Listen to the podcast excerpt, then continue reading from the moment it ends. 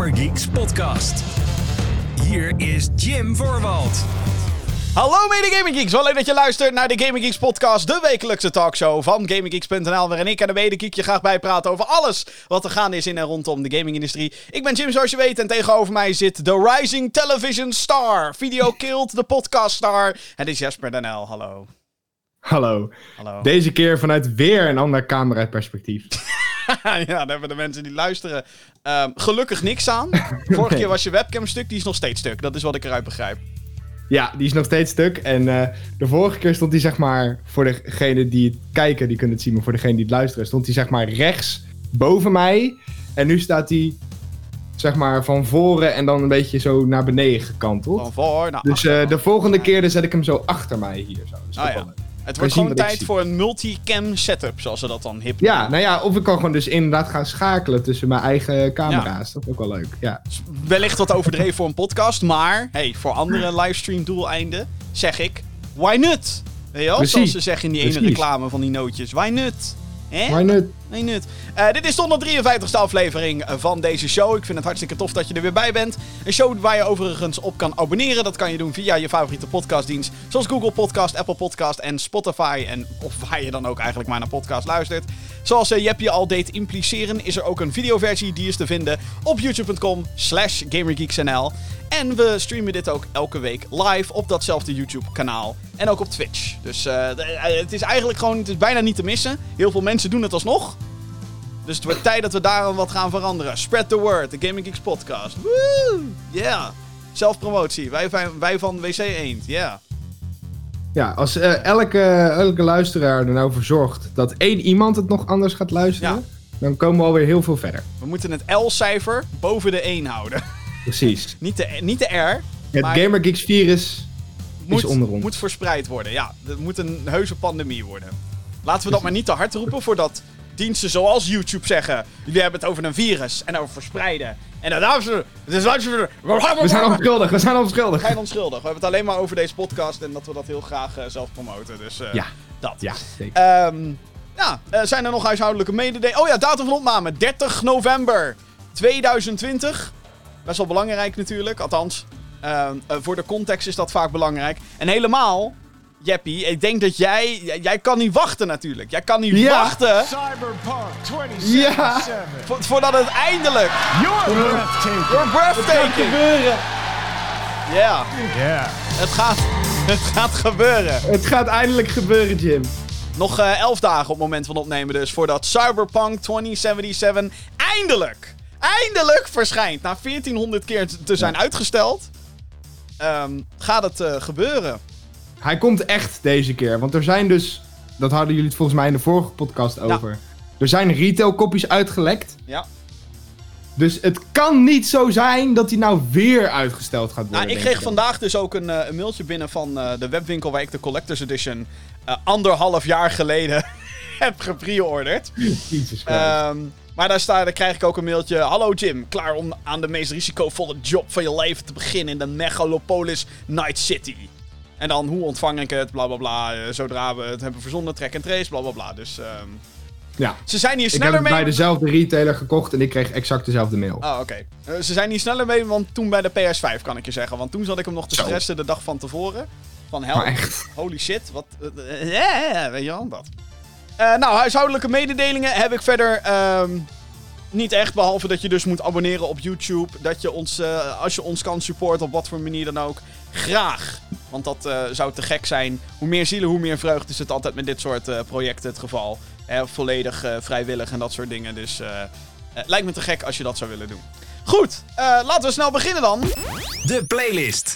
met eh, de playlist. eh, die voor jou denk ik best wel lang is. Dus Ja. ik zal eh, hem kort houden zelf. Ik heb eigenlijk niks nieuws gespeeld. Ehm, ik heb gewoon meer gespeeld van de games waar ik al mee bezig was. Dus ik heb wat meer Call of Duty gespeeld. Het was weer lekker ragen. Het was weer lekker knallen. Ik heb Ja. ook een beetje van die singleplayer geproefd. Dat wil ik dan wel een beetje zeggen. En dit is echt een Call of Duty singleplayer campaign die een beetje af wil van het hele. Loop van A naar B en schiet dingen ondertussen kapot. Eh, ze hebben dingen zoals zijmissies en, en eh, eh, gesprekskeuzes en dat soort dingen. Dus ik, ik zat, toen ik dat zat te spelen, dacht ik van oké. ze willen echt gewoon all-out gaan met deze campaign.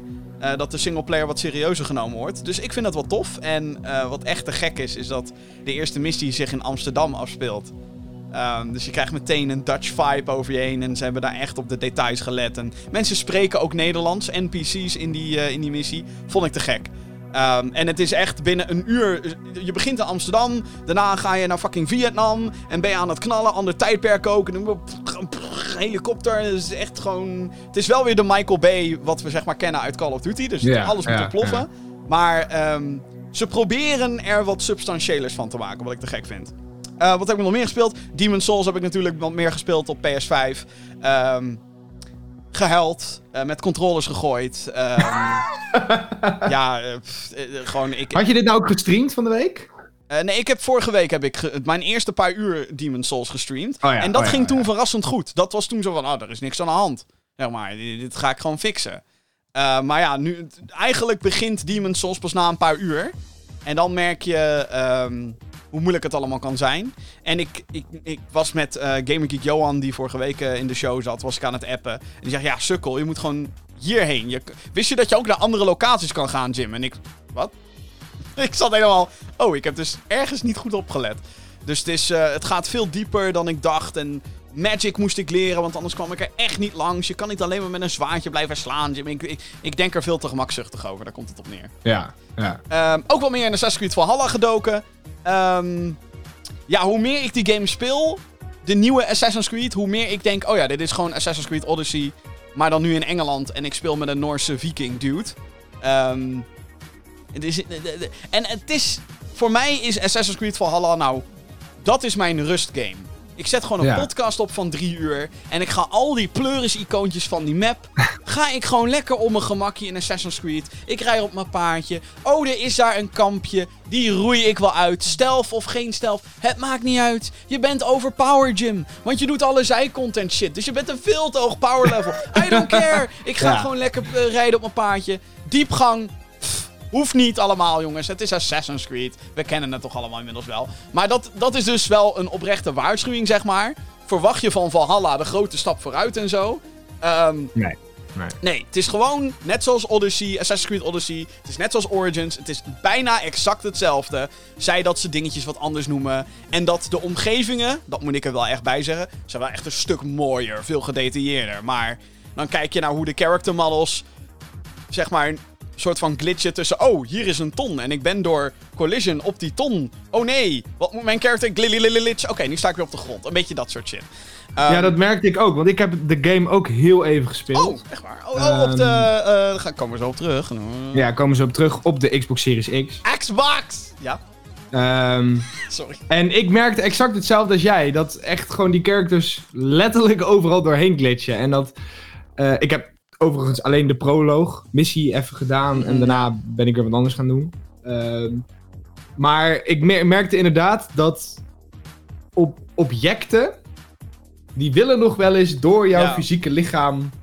Oh, Heen wel, bewegen. eens, als het gaat over puur en alleen visueel. Dan is gewoon, het maakt niet uit wat voor kostuum je draagt. Maar dat haar gaat door je jas heen. Zwaarden Ja. gaan overal doorheen. Het is echt weer dat je denkt, oh ja. Maar dat is een beetje gewoon wat we gewend zijn van Ubisoft, toch? Ja, nou ja, ik eh, moet zeggen dat op het moment van opnemen zijn de eh, recensies bij de media die wel belangrijk zijn, zijn binnen voor Immortals Phoenix Rising, de nieuwe Ubisoft Mhm. game. En mensen schijnen daar echt helemaal lyrisch over te zijn. Maar ik heb Ja. nu zoiets van, ja, ik zit nu al in Assassin's Creed en ik ga niet nu nog zo'n open world game meteen nu halen. Dat, pff, eh, geef, gun me even wat rust, man. Nee. Jezus. Keuzes maken. Ja. Eh, dat, eh, dus de, de Assassin's Creed ben ik gewoon lekker aan het doorspelen. Ik heb er al iets van 30 uur in zitten of zo. Gewoon op mijn gemakkie, chill. Ja. Ehm, En ja, ik heb wat meer Spider-Man gespeeld. Maar Ik ook. eh, ik denk inderdaad dat we even naar jou moeten schakelen wat dat betreft. Wat betreft de playlist. Want Jeppie, jij hebt, net zoals moi, heb jij een PlayStation 5 in huis. Zeker weten. Vertel en ik heb al heel veel mensen gehoord die heel erg jaloers zijn op zowel jou als op mij, als op Johan. Medigeek Johan, die heeft er ook een. Ja. Ja, wij zijn zeg maar de geek, het geekgroepje, de drie J's die hem hebben. De 3J's, ja. De 3J's met een PS5. Ja, precies. Eh, maar eh, Ja. vertel even, want vorige week heb ik het natuurlijk al uitgebreid gehad over hoe ik het vond en zo. En eigenlijk is mijn mening onveranderd. Het is tering snel. Het is gewoon heel vet om weer aan een nieuwe console te kunnen klooien. Eh, ik heb al meer de interface door, dus dingen zoals uitschakelen en zo gaat allemaal sneller. Ik heb daadwerkelijk, update wat dat betreft, mijn controller op drie streepjes opgeladen gekregen. Hey, Ja, lekker. ja dat verdient wel even een... eh, Dat eh, was wel eventjes dat ik dacht, oké, het kan dus wel. Ehm, ja. Maar, ja, ik vond het heel raar, toen ik, want ik heb de podcast vorige week even teruggeluisterd. En ik had zoiets van, ik heb dit hele probleem helemaal niet gehad. dus dat, dan laat jij gewoon je controller niet ver genoeg op. Nee, nou ja, wa- wat ik al zei, ik had hem uren heb ik hem aan het kabeltje gehangen. En het was op een gegeven moment, ik dacht, ja hallo, gaat dat ding nog opladen of niet? En ik heb nu letterlijk weer twee uurtjes gespeeld en hij is alweer aan het terugdringen natuurlijk. Ja. Mm. Ja, Maar dat ik moet ben- ik ook zeggen. Ik vind de batterijduur niet heel lang of zo. Nee. Laat ik het zo zeggen, ik ben blij dat ik twee controllers heb gehaald. Just, Ja, just- ik, ik heb het idee dat hij met 6 uur is hij leeg. Moet je hem opnieuw Dat opladen. denk ik ook, ja. ja. Maar Zes, ehm, goed, ja, dat, dat, waren, dat is mijn update van mijn impressie. Jeppie, ga los. PS5, wat is jouw ervaring tot nu toe? Met de next gen? Oké, ik hou mijn bek op. Next gen! Ja, kijk, het is voor mij de eerste... Nou ja, niet de eerste gaming console, maar wel de eerste PlayStation. Ik heb natuurlijk ook een Nintendo Switch, heb ik. Ehm, maar dit is de eerste echte keer dat ik echt puur console ga gamen. Want normaal gesproken speelde ik alles op mijn PC. En alles, wat ik, alles van Nintendo speelde ik op de Switch. Ehm, dus voor mij is het nu de eerste echte console-generatie die ik zeg maar in die zin mee ga maken. Ik had een Xbox One, maar die gebruikte ik meer als mediaspeler dan als, als Oh, console. dat is keihard. Ja, nee, maar dat komt gewoon omdat ik alles op PC kon spelen. Ja, dat is Dus- waar. Ja, ja, ja, ja. Dus als je Seal Thieves gaat goed. doen, doe je dat op PC. Precies, Ja, precies. precies. Ja, ja. En ehm dus dit is voor mij mijn eerste echte... Dat ik echt uren achter mijn console zit, zeg maar. Ehm, en wat ik tot nu toe vind, is dat het echt oprecht te gek is. Ehm, er is nog niks aan mijn PlayStation 5 waarvan ik zeg... Hmm, dat vind ik jammer. Hmm, dat vind ik vervelend. Ik vind eh, het design, daar zei ik eigenlijk eerst van, eerst van... Ik vind het echt foei lelijk. Je bedoelt het ding zelf, de console zelf. Ja, het design van de console zelf, inderdaad. Eh, ik vond het eerst echt dat ik echt dacht van, nou, dit, dit, dit ga ik ergens achter zetten, zodat ik het niet zie. Want ik vind het zo lelijk. En ook, voor, ik heb dan de disc-versie. Dus dan zit ook dat rare bocheltje er nog aan, zeg maar.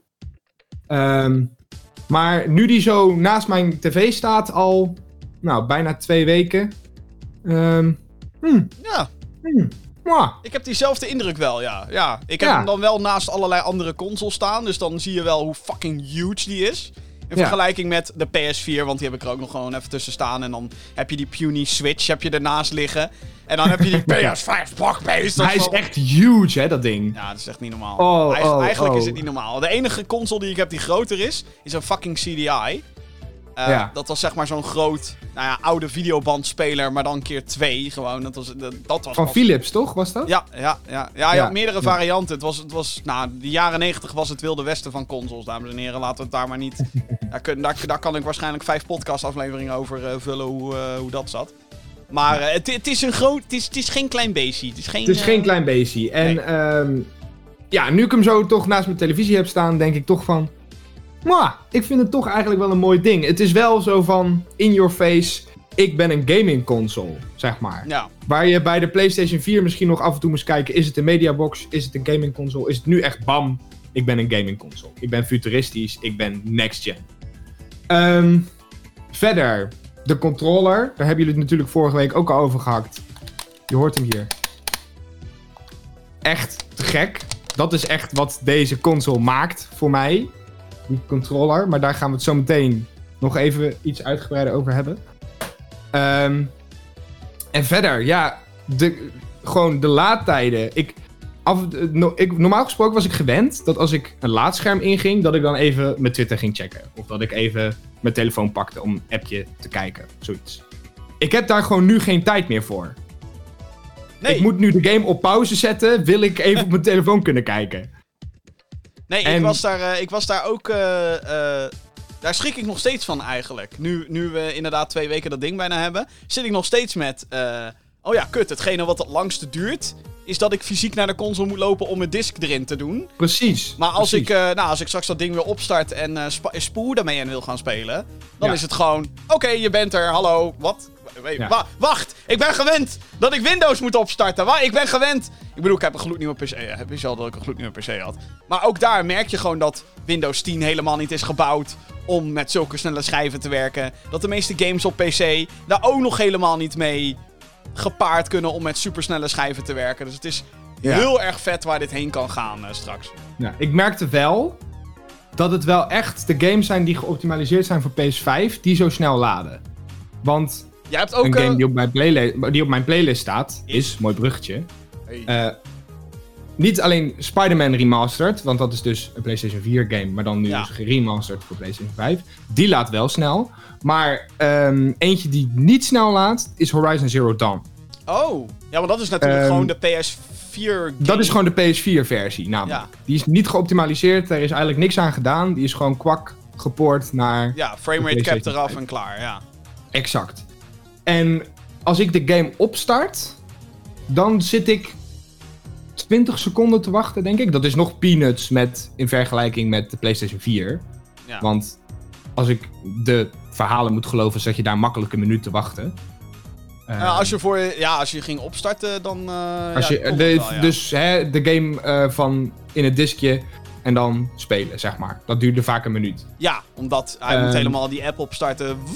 Ja, dat, exact. Dat duurde wel even, ja. Ehm, het is te doen. Het is niet dat ik zeg van, niet dat ik zeg van ik zit echt uren naar een la- laadscherm te kijken, maar zeg maar als je Spider-Man Miles Morales gewend bent of Astro's Playroom of Spider-Man Remastered, want die laat ook lekker snel, ja. dan heb je wel zoiets van dit duurt wel lang. Zeg maar. Ik ben wel heel benieuwd Ehm. naar de vergelijkingen. Want het schijnt wel zo te zijn dat, omdat het gewoon sneller is, weet je wel, de Mhm. schijf, dat het wel daadwerkelijk nog significant sneller laat dan, eh, het, dan dat ik hem nu op mijn PS4 zou opstarten. Probably. Ja, denk ik. ja. Dus Ja, ben het laat ook wel sneller. Zeg maar, het is niet alsof het extreem lang duurt nu of zo. Zeg maar. Maar het is Ehm, wel- maar ik heb wel zoiets van, het duurt wel langer dan Spider-Man Miles Morales. Ja, precies. Oké. Ja, dat, is interessant, ja. Dus eh, ik heb het idee dat de developers nog wel, zeg maar, als ze dus een next-gen upgrade gaan uitvoeren, dat ze ook die laadtijden nog moeten optimaliseren. Want ik ben dus, we hadden het net al even over Cyberpunk, ik ben dus heel erg benieuwd hoe snel gaat dat laden. Ja, nou, Want dat is bij, straks bij- een PS4-versie die we krijgen bij launch. Precies, ja. Je krijgt een, een, een PS4 of een Xbox One versie die gebruik, natuurlijk gebruik maakt van de kracht van de next gen als je die hebt. Mhm. Eh, maar het is inderdaad niet de next gen upgrade nog. nee. Dus ik ben, eh, eh, dat wordt eigenlijk wel heel interessant, omdat ehm, ik ga er eigenlijk ook gewoon vanuit dat die game jou weg gaat blazen op je Ja. PS5. Maar dat dat dan nog niet eens de beste versie is op PS5. Nee, hij wordt dus nog beter, zeg maar. Dat zeggen ze van wel. Ja, we moeten natuurlijk altijd eh, voorzichtig daar zijn. Ik weet het, CD Projekt Red is heilig en zo, maar... ehm, Ja. Ja, het schijnt dat, ze daar in, dat de voltallige upgrade inderdaad nog moet komen. Dus ik ben heel benieuwd Ja. hoe dat gaat verlopen, inderdaad. En het Ja, is en heel... dat is ook wel, eh, ja, dat is ook wel interessant om in de gaten te houden, denk ik. En ook zeker om straks die vergelijkingen te kunnen zien met dus de PS5-versie en de PS4-versie. Ja, ja. Maar eh, is- even, even heel kort, wat vond je van Horizon Zero Dawn? Want dit, eh, even ook voor de cont ter context. Jij hebt nooit een PS4 gehad, dus je hebt Nee, heel veel games waarvan onder Nee. andere ik en Johan zouden zeggen: Dit zijn must plays. Dit moet je nu, zeg maar. Oh, hoe, hoe durf je dit nog niet gespeeld te hebben? Eindelijk heb jij die kans. Zeker ook omdat je bij, eh, als je een PlayStation Plus abonnement hebt en je hebt een PlayStation 5, dan, kan je, eh, dan heb je toegang tot de PS Plus Collection. Daar hebben we zo meteen nieuws over. Mhm. Eh, en dat is dus inderdaad een collectie vol met, volgens mij, een stuk of 20 tot 30 titels, geloof ik. 20 titels. 20, 20, titels, oh, ja. oké. Ja. En maar best wel high-profile titels, waaronder dus veel PlayStation exclusives, op, die Ja. op PS4 populair waren. Zoals Horizon Zero Dawn, Uncharted 4 zit Nee, tussen. oh, oh, Horizon zit daar niet in. Zit Oh, niet in die collectie. Nee, Oh. die heb ik losgekocht. Zit die er niet in? Die zit daar niet in, nee. Oh, wauw. Wat er wel in zit is... En, Oh, die en ik zo'n heel spelen. verhaal. En ik een heel verhaal houden. PS Plus Collection. Ja, Horizon Zero. Zit hij er gewoon niet in? What the fuck? Zit daar niet in. Nee, nee. Oké. Maar wie er wel, wie, welke er wel in zitten is The Last of Us, Ja. God of War, Ja. Detroit Become Human. ehm, God, nou ben ik het... Nou, Bloodborne dan ben zit erin, geloof. Days Gone. eh, ja, inderdaad. Bloodborne. ehm, Battlefield eh, 1. Crash Bandicoot. Cra- eh, Saint collectie. Trilogy. Ja, ja, ja. Insane Trilogy, inderdaad. Ehm jeetje. Ik vind het zo raar dat Horizon er dan niet tussen zit, joh. God, God of War, Last of Us en er is nog een. Nog zo'n grote. Days Gone, Detroit, eh, Until Dawn, eh, Uncharted 4, had je die al genoemd? Die zit er Oh ja, ja, inderdaad die. Maar er is nog een grote.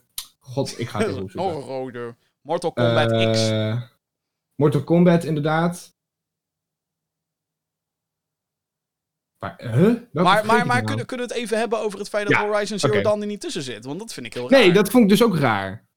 Want zijn ze dat is toch wel een klapper, zou je denken. Herman, Maar- Herman Hulst. Wat what is going on here? What I know you on? are listening. Nee, niet. Maar dat zou wat zijn. Als het van- doesn't care. Ja, zijn, zijn care is leeg, zeg maar. Ja, Als, ja. als hij naar deze show zou luisteren, dan moet hij dat echt zo snel mogelijk laten weten. Dan komt er misschien een interviewverzoekje. Nee, dat eh, zal Tweet niet, maar- ons. Ja, maar Herman Hulst, hoe kan het nou zijn? Dat, ik vraag me dat oprecht af, want het is toch een hele gekke... Je zou denken dat dat de... Maar dan zijn ze... De, ze zijn dus nog echt wel iets van plan met die game. Dat kan niet anders. Net zoals... Misschien een ja, Spider-Man zit een ook niet in de... Ja, want Spider-Man zit ook niet in de PS Plus collection. Exact. Horizon Remastered plus Forbidden West straks. Hmm. Oh, dat je de remaster inderdaad krijgt bij de pre-order collectors. Misschien wel. Ja. Maar ik moet zeggen, even om weer even op dit game terug te komen. Oh, sorry, ja. Het ziet er echt heel goed uit. En ik denk bij mezelf van... Ik denk eigenlijk constant bij mezelf van... Heeft dit er ook zo goed uitgezien op PlayStation 4? Of is dit nu gewoon echt, omdat ik het op PlayStation 5 draai... dat het er zo goed uitziet? Want... ehm, eh, ik ben even zijn naam kwijt, maar... De guy waarin je in de intro heel veel tijd mee spendeert... Rust of zo Eh, heet die guy? Ja, Rust, inderdaad. Zijn gezicht is zo gedetailleerd. Ik kan gewoon, nou, misschien niet letterlijk, maar ik kan gewoon al, elk haartje op zijn hoofd kan ik zien. Ik zeg kan, maar. ik kan confirmen dat, ehm, dat die game er altijd goed eh, fucking mooi uit heeft gezien. En dat waarschijnlijk de reden waarom, die, waarom het nu nog indrukwekkender is, is A, omdat je hem op een hogere framerate speelt. Mhm. En, En- op 4K. En inderdaad op 4K. En Ja. ehm, omdat je nu met. Ik, ik, ik ga er even vanuit. Omdat je nu op 4K smooth deze game kan spelen, die sowieso al echt gewoon fucking mooi is. Dat is zeg maar een reden Ja. waarom PC-gamers hyped waren dat deze game naar PC kwam. Omdat dit Mhm. zo'n prachtige game is. Dat 1080p te min is, zeg maar, voor... De PS4 was te min voor Horizon, voor de assets Ja. en voor het detail wat ze er al in hadden gestopt. En daardoor kan een game als Horizon ook best overwhelming zijn voor je ogen, als je dat op een 1080p scherm speelt. Omdat je wel denkt van, holy shit, dat had ik op sommige momenten wel, kan ik me nog herinneren. Mhm. En ehm, ja, dit, maar dit is ook een game die er denk ik voor de aankomende 10 jaar nog mooi uit blijft zien. ja, Dat als je zeker over weten. 10 jaar nog opstart, dat je denkt, is het 10 jaar oud? Weet je wel? En Ja. dat- net zoals The Witcher 3 bijvoorbeeld. Die, die game is 5 jaar oud, hè? En al- als je Mhm. nu nog steeds die game opstart. En op een, een redelijke PC of op eh, PS, eh, nou straks PS5 ook, eh, er komt ook een next-gen port van. Dan denk ik dat mensen daar ook van gaan zien van, holy shit, die game ziet er nog steeds goed uit. Ja. En Horizon zeker een voorbeeld. Maar wat, wat vind je verder van de game? Want ik ben daar wel benieuwd naar. Ik ben wel... ja, ik vind het echt gek. Ik, ik snap wel waarom deze game zoveel praise heeft gekregen. Voor degenen die En- trouwens niet weten wat het is, Horizon Zero Dawn is een open world game. En je speelt in een post-apocalyptische wereld die eigenlijk alweer teruggegroeid is. Ehm, het is gemaakt door, de, door Neder- Holland. Nederlandse studio Guerrilla Games eh, kwam in 2017 exclusief uit op PS4. En je speelt als Aloy, een, eh, ja, een jager in deze wereld. Want deze wereld wordt niet alleen maar bewoond door mensen en dieren en planten en et cetera.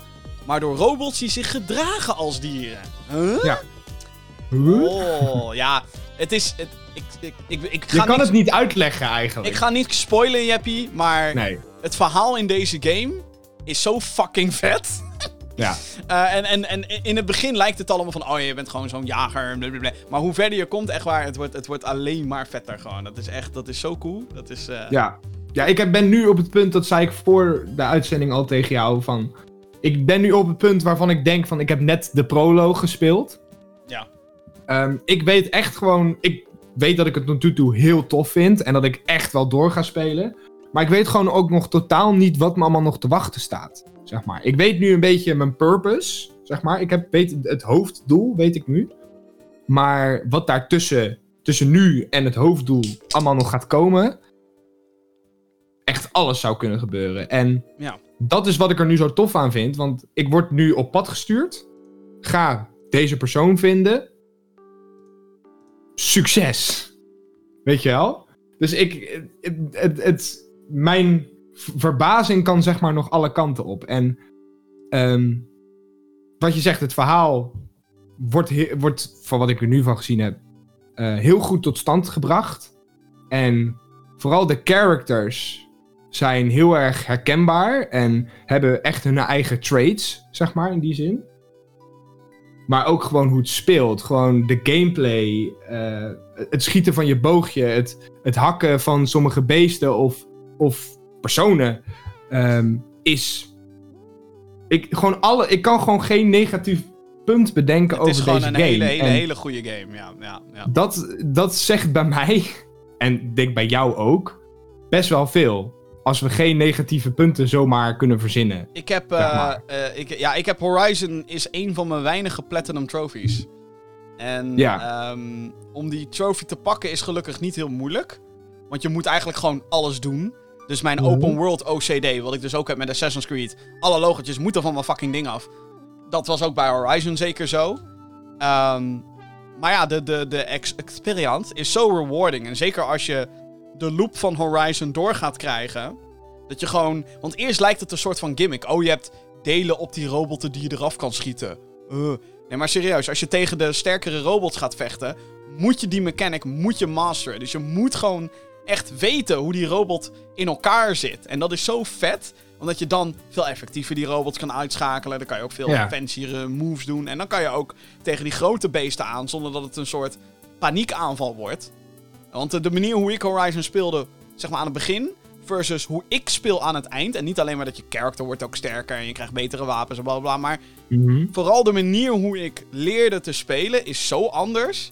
Dus ik denk dat dat een heel grappig verschil gaat worden als de, het vervolg uitkomt voor Bidden West. Ehm, dat je dan de mensen hebt die Uncharted, of Uncharted, Horizon 1 al hebben gespeeld.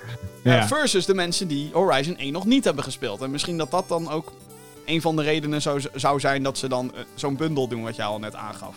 Ja, nou ja, dat lijkt mij in ieder geval wel slim. Want ehm, wat je zegt, kijk, ik speel nu na, ik denk dat ik nu drie uur gespeeld heb.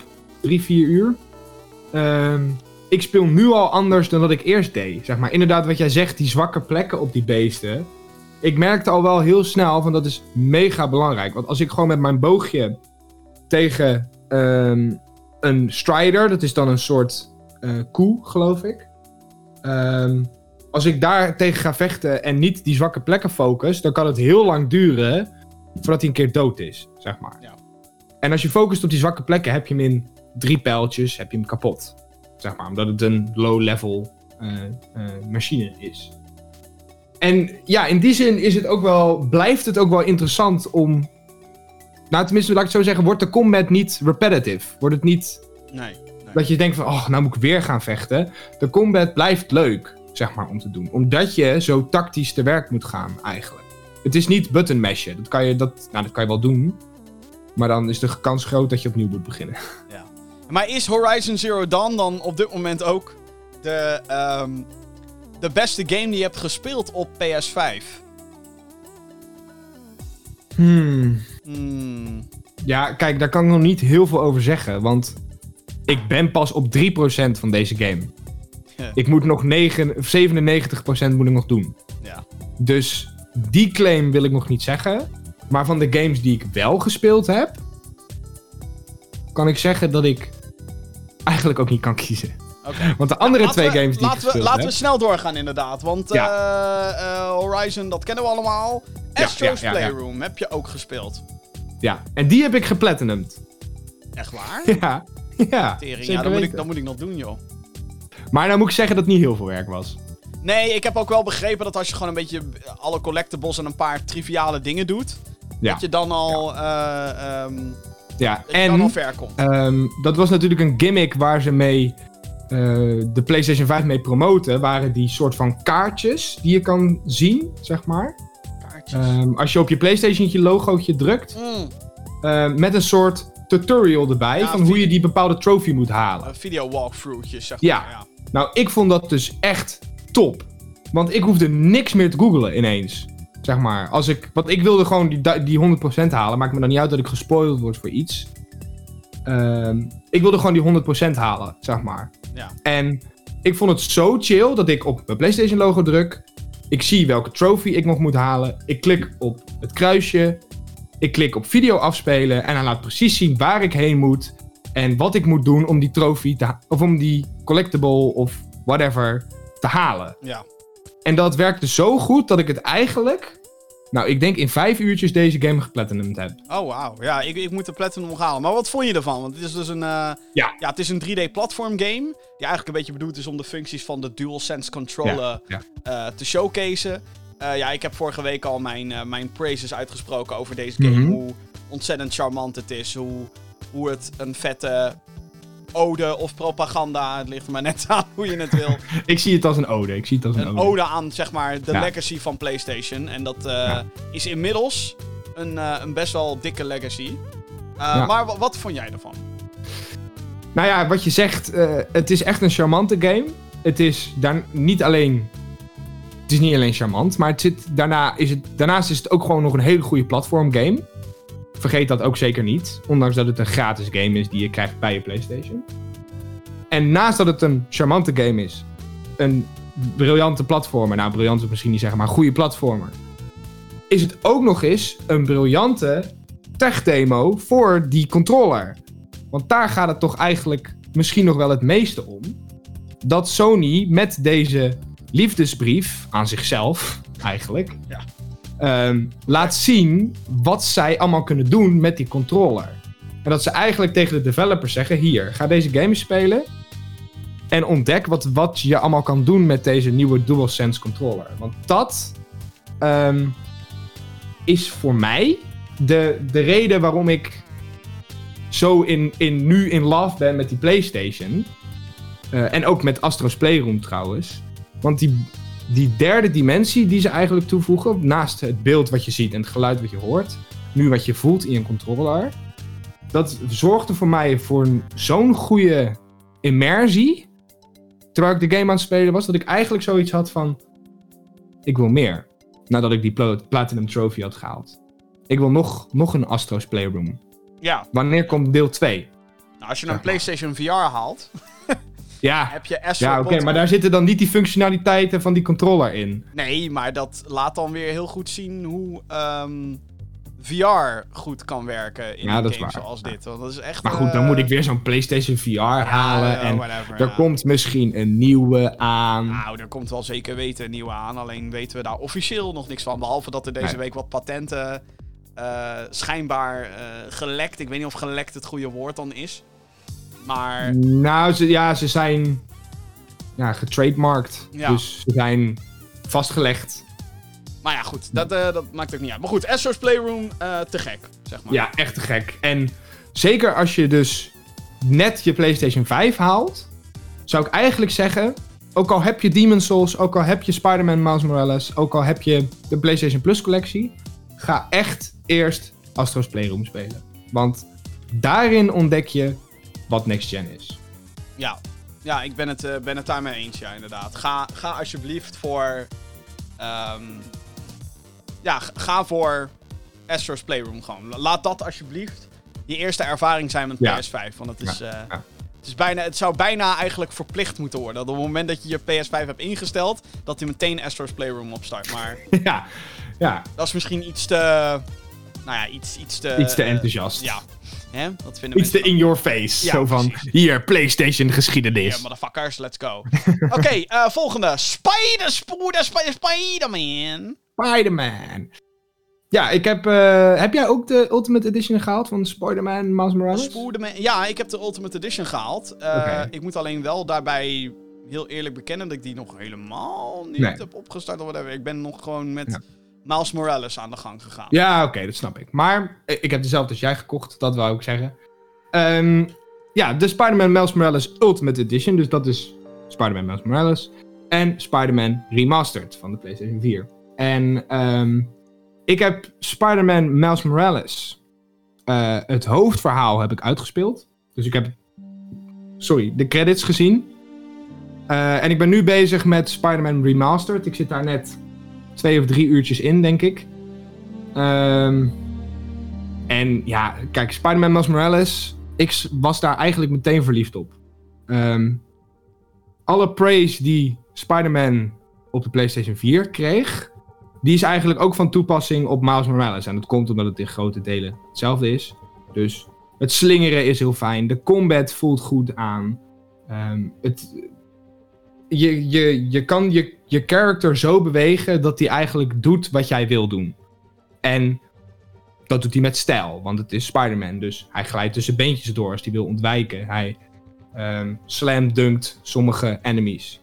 En ja, alles voelt als Spider-Man. Ook in Spider-Man Miles Morales. En ehm, ja, ik ben er eigenlijk ook gewoon lyrisch over. Eh, het is, ook dat is weer een hele goede, goed voorbeeld van wat de PlayStation 5 qua, niet alleen qua eh, gameplay kan brengen. Dus hè, met die controller.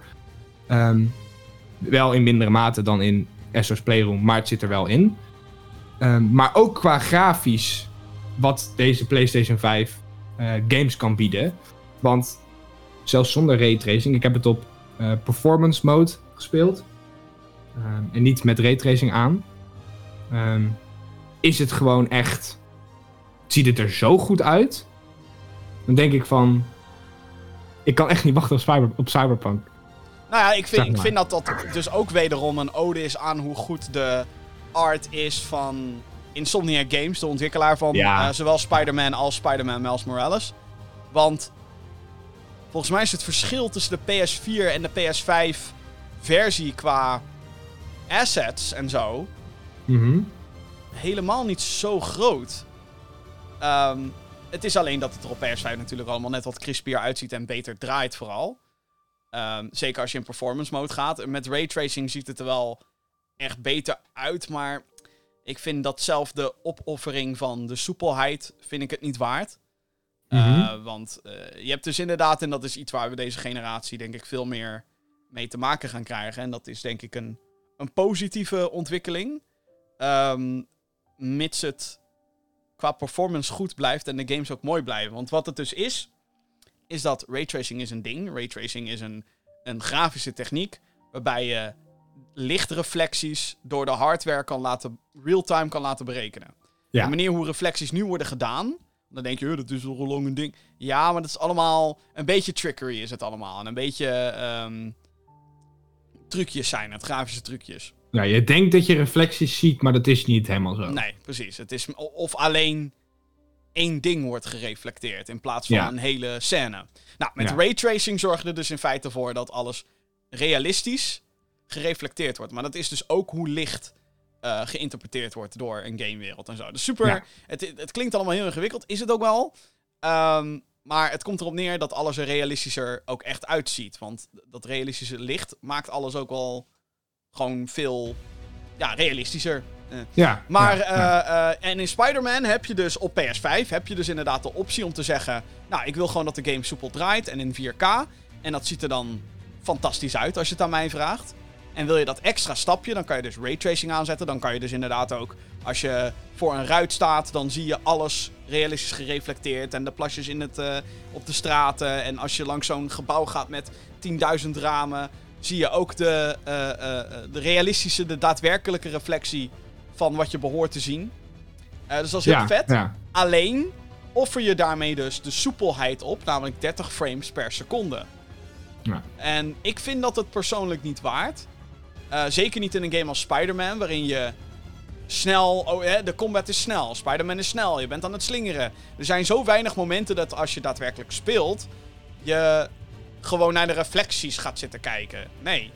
Dus geef mij dan maar soepelheid en dan Nee, maar geen nee. reflecties. Zeg maar. Nou ja, ik dacht meteen, toen ik... Want ik heb de raytracing heel even aangezet. En toen dacht ik van ja, oké, leuk in deze game, maar ik zet het nu gelijk weer uit. Want ik wil graag echt die 30 frames eh, erbij, zeg maar. Dus ik wil gewoon op 60 kunnen spelen in 4K. Ik dacht wel meteen van, in wat voor game zou dit nou echt iets toevoegen? En ik dacht eigenlijk meteen aan iets als, als Tomb Raider of zo. Of, of Uncharted. Ik dacht eigenlijk meteen van, oké, in dat soort games zou raytracing misschien wel echt iets toe, toe kunnen voegen. Omdat je veel water hebt, omdat je veel natuur hebt. En daar wil je toch dat het licht echt realistisch is, zeg maar. En daar hoef je niet per se, inderdaad wat jij zegt, die snelle combat altijd te hebben. Nou ja, ik denk dat het. Kijk, ik denk dat het in principe in elke game vet is, raytracing. Mits het natuurlijk goed is uitgevoerd. En mits je performance goed blijft. En dat geldt ook voor mijn gloednieuwe PC. Als ik merk dat raytracing te veel van mijn speelbaarheid opoffert, of de soepelheid. Ja, ik zal altijd voor meer frames gaan. Eh, zeg maar. Ik ook, hoor, ja. Omdat, het, omdat het gewoon.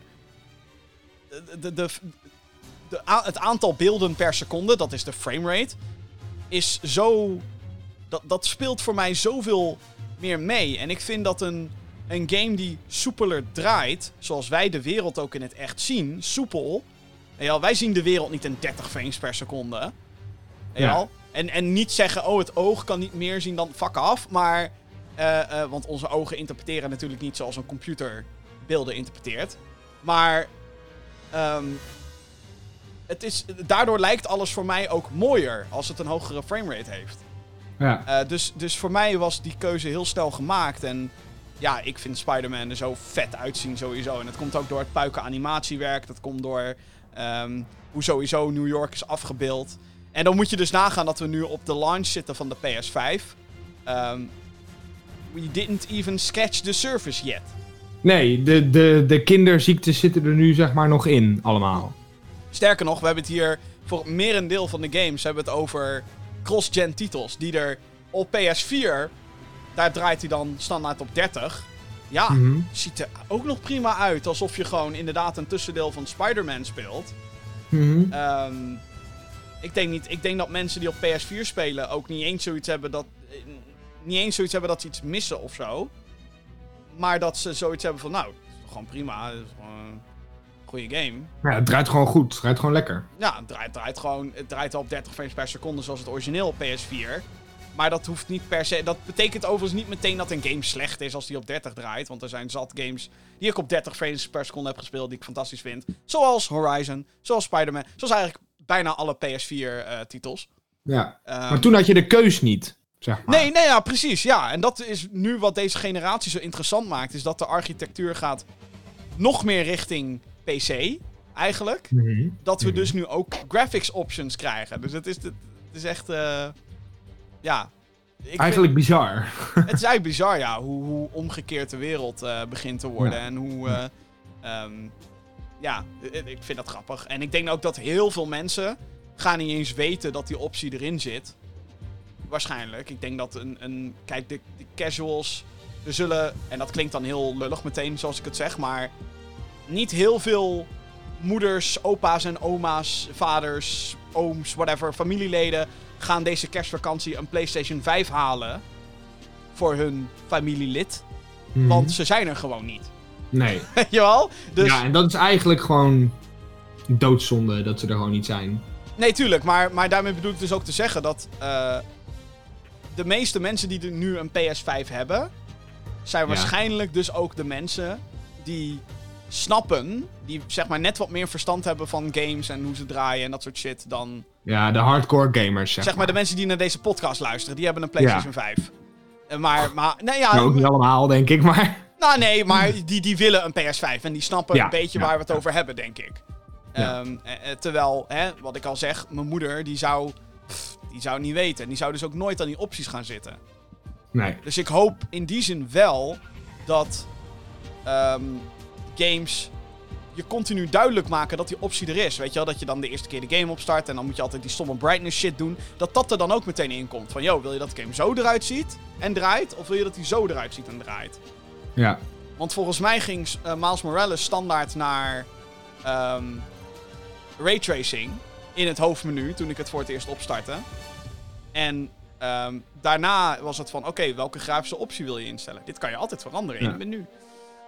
Dus ja. Ja, het is zo dat je het in de PlayStation zelf, zeg maar in de settings, kan eh, aangeven welke je prefereert. Dus je kan zeggen: ik wil altijd beste performance of ik wil beste graphics. Dat kun je in je PlayStation zelf eh, aangeven en dan doet hij het zeg maar standaard zetten bij iedere game. dus Oh, dan hoef je niet meer te kiezen. Oh, dat is wel handig. Oh, dat En dat dus doet hij ook met, eh, doet hij ook met difficulty. Dus je kan ook de difficulty eh, standaard instellen. En ehm, nog iets. Maar dat Nou, weet ik even dat niet kan meer. dus niet hoor. Ik heb Demon's Souls gespeeld. Zo'n optie bestaat niet. Nou, maar hij staat wel echt in je PlayStation. Ja, nee, je weet kan ik, maar dat- aangeven. Het was een grapje. en Het was een, eh, Oh, oké, sorry. Demon's Souls heeft geen modes. Demon's Souls is gewoon tering moeilijk. En Demon's Ja. Souls, dat gaat je humor naar de kloten helpen en veel meer dingen. Maar goed, Spider-Man vind je tof. Ja, helemaal te gek. Oké, Zeker weten. top. En Spider-Man Remastered trouwens hetzelfde. Ehm, misschien dat ik... Ik neig nu nog dat ik Spider-Man Miles Morales leuker vind dan Remastered. Sorry Peter Parker, maar het is toch echt zo? ja, Ehm, Miles is overpowered, dus ja, maakt ook niet uit. Miles is een beetje overpowered, inderdaad. Maar ehm, ja, ik moet daar echt nog even meer van spelen voordat ik er echt een eh, oordeel over kan. eh. Ja, kan ik, ik, veilen, vind, maar- ik vind tot nu toe wel de, het verhaal van Spider-Man, dus eh, Peter Parker, zeg maar, ja, vind ik toffer. Maar dat komt gewoon omdat het ook characters zijn die ik ken. die je kent. Ja. Eh, met met alle, al die supervillains en zo. En ik heb het idee dat dat nog een beetje... Ik ben niet heel veel met Miles Morales nog, maar qua story. Mhm. Maar daar heb ik zoiets van, ja... Ik mis mijn supervillains. Alhoewel in het begin Ja. vecht je tegen Rhino. Dat zijn allemaal beelden die al eh, overal... Dus ik zie dat ook niet als spoiler. Dat is letterlijk het begin van de game.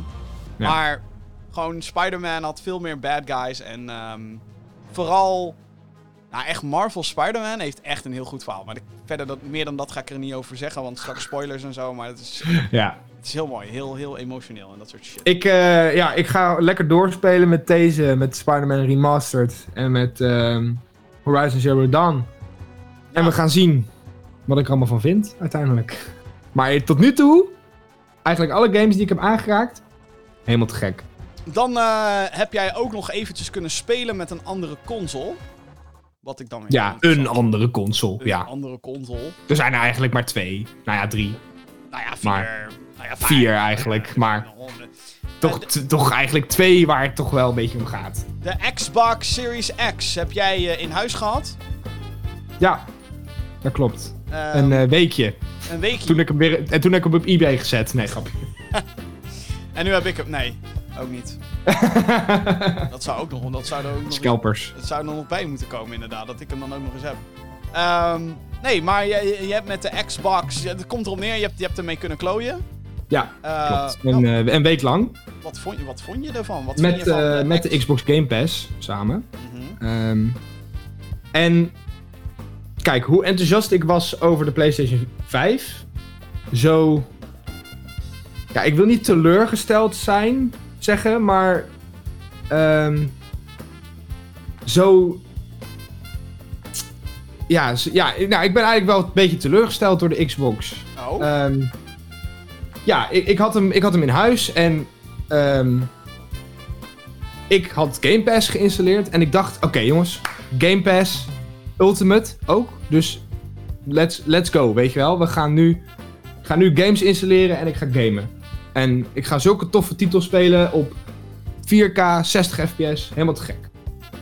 Maar ik zat zo eens door Game Pass heen te bladeren en ik dacht, ja, ik heb ook maar een week, dus ik ga niet een verhaal game spelen, zeg maar, want die ga ik nooit uit kunnen spelen. Buiten dat is er niet heel veel spannends wat ik nog niet gespeeld heb om op die Game Pass te gaan spelen. Ehm, dus ik zat eigenlijk een beetje van, ja, wat ga ik nu eigenlijk doen? Want Maar je eigenlijk... hebt niet echt eh, like Gears 5, want dat is iets wat heel erg door Microsoft natuurlijk... Nou ja, dat heb ik dus wel even geprobeerd inderdaad. En dan heb je wel zoiets van... ehm, Oké, dit is wel te gek en het ziet er echt briljant uit. Gears Ook op, de, 5 ook is- op de Xbox Series X. Gears 5 is zo'n fucking mooie game ook. Maar echt. Eh. Echt briljant. Ehm, maar ik had wel zoiets van... Dit zou niet de reden zijn voor mij om de Xbox Series X te halen. Kijk, Spider-Man Miles Morales, Horizon Zero Dawn, Astro's Playroom, waar we het net allemaal over hadden. Dat zijn voor mij redenen geweest waarom ik die PlayStation 5 wilde hebben. Naast de betere graphics, naast de, de snellere laadtijden, naast die controller. Maar bij de Xbox is die urge er bij mij gewoon niet. Mede omdat we veel van de games op eh, PC kunnen spelen. Ja, ja. Ehm, en ik had eigenlijk zoiets van, wat moet ik... Ja, wat moet ik nou nog spelen wat ik echt nog wil checken? Dus ik heb Two Point Hospital geïnstalleerd. Wat een fucking verwend nest ben je toch ook? Heb je Ja, ik ben eigenlijk verwend nest. gewoon Ja. een week lang heb je dat ding... Maar, allemaal maar... Oké, oh, ja. oh. Ik heb wel de Falconeer gespeeld. Oh, En dat was wel echt dat ik dacht van... Dit is helemaal te gek. Dit is... Xbox is er ook, weet je wel? ja, de Falconeer is een, eh, een, eh, een game gemaakt door een Nederlander. Ja. Thomas Sala, één guy heeft het gemaakt. En die, ehm, ja, het, het, het- is een game waarin je op een grote vogel zit. In een open wereld. En eh knallen maar ook. Het is een beetje Star Wars Rogue Squadron, althans Ja. daar vergelijk. Het vertelt ook wel een verhaal. Ja, Ehm, dus het gaat ook wel eh, echt om een verhaal, zeg maar, in die grote open wereld. Ehm, maar het is inderdaad het vliegen en de combat wat het zo tof maakt. Ja. Uiteindelijk. En ik heb het dus even op, eh, op Xbox Series X gespeeld. En het ziet er echt zo goed uit. maar heb je dan En- ook dit voor, hè, ter research, heb je dit dan ook even op Xbox One gespeeld? Of Nee, dat heb ik dan nog niet gedaan. Dat kan ik nog wel even doen trouwens. Want ik heb ook mijn Xbox One hier nog in huis. Ja. Maar ik heb hem wel ook even op PC gespeeld. Oh, Oké, ja. En mijn PC is niet heel denderend. Ehm, voor referentie, ik heb een, eh, een, eh, een RTX 970 erin zetten. Oké, Is ja. dat dan een RTX? Volgens mij wel. Dat is geen RTX, nee. Je hebt is een dat dan? Een- GTX. GTX, dat is Ja. het. 970 in mijn computer zitten. En die is nou niet dat je zegt je van het. Nou, het is gewoon een paar generaties oud, ja. Ja, precies. Ehm, maar ik zag wel echt het verschil met Xbox Series X en PC. Ehm, qua graphics, qua framerate sowieso, want hij draaide veel stabieler ehm, op, eh, op de Xbox dan op PC. Ehm, en ja, het is gewoon echt een hele mooie game. En dat is ook wel te, te prijzen aan Thomas. Eh, want de art stijl is dat dat oeh dat, dat daar hou ik wel van zeg maar ja en het draait gewoon als een tierenlier die, die Xbox Series X. Ja. Ehm, maar uiteindelijk zeg maar maak ik nu de vergelijking tussen PlayStation 5 en Xbox Series X als volgt. PlayStation 5 eh, doet heel veel nieuwe dingen. Eh, dus hè, eh, die controller onder andere. En brengt heel veel nieuwe games. Ehm tenminste, heel veel. Nou meer ja, dan ik denk, maar ik denk wel echt dat dat is waar Xbox nu gewoon een probleem heeft. Het heeft gewoon geen games die ehm, de, de, de volgende stap nemen. En het is raar Nee. omdat we het net helemaal over Spider-Man hebben gehad. En over hoe dat basically ook gewoon een PS4-game is, maar dan op PS5. Ehm. Maar op de een of andere manier weet Sony dat beter te verkopen eh, de afgelopen paar maanden. En heb ik ook echt het idee dat ik op een nieuwe console speel. En als jij die ervaring Mhm. nu niet hebt met de Xbox Series X, als iemand die de, een Xbox One heeft, is dat Mhm. wel nu gewoon een probleem. En ik denk dat al had Microsoft maar één of twee titels en ze hebben dan de Falconeer. Maar goed, weet je, met alle respect naar Thomas Sala, want het is een prachtige game. Maar de reden waarom die prachtig is, en nogmaals, dit is met alle respect naar die developer, want het is een prachtige game. Maar dat is niet En een leuke game, overigens. Maar Hij dat- is echt te gek. Maar dat is niet dankzij de Series X waarom die game zo mooi is. Nee. Ik denk dat deze game ook namelijk heel mooi gaat zijn op Xbox One. Zij het met een mindere performance en een lage resolutie, bla bla bla. Maar die artstyle is gewoon te gek. Net zoals Ja. dat de artstyle in Horizon bijvoorbeeld al te gek is op 1080p. En als je dan die stap neemt van dat naar 4K, is dat veel indrukwekkender. En ehm, ik denk echt dat, dat, dat Microsoft een grote misjudgment heeft gemaakt door deze console te releasen zonder eigenlijk een game van hunzelf. Want Ja. Falconeer wordt niet eens door Microsoft uitgebracht. Die wordt uitgebracht door het Britse Wired. Dus het is niet eens... wel, het is niet eens alsof Microsoft Thomas heeft gepakt en jij wordt onze showcase. Nee, zo is Nee, het soort van nee. geworden. Omdat Microsoft zelf De enige game is. niks heeft. Ze hebben niks. Nee. En tuurlijk, Maar, ze, hebben, ehm, ze hebben een backlog. En dat is te gek. En hoe ze de backwards compatibility aanpakken, is allemaal te gek. Maar dat komt ook omdat ze geen keuze hebben. Omdat ze niks nieuws hebben. Ze hebben geen Halo, Nee. ze hebben geen nieuwe Gears, ze hebben geen nieuwe Forza. Ze hebben niks. En tuurlijk, wat heeft PlayStation dan? Oké, toegegeven, PlayStation heeft een Demon Souls remake als enige echte exclusive. Maar ze hebben gewoon al games laten zien waarvan wij werden weggeblazen. Zoals, nou ja, Ja. ik bedoel, Spider-Man is dan een voorbeeld, bla bla. Maar Ratchet Clank denk ik van, ah, ik kan niet wachten man. Dat ziet er te gek uit, weet je wel. Mhm. En we weten dat God of War eraan komt. We weten, weet je, en, en van Xbox weten we ook heel veel. Maar het enige wat we daarvan gezien hebben...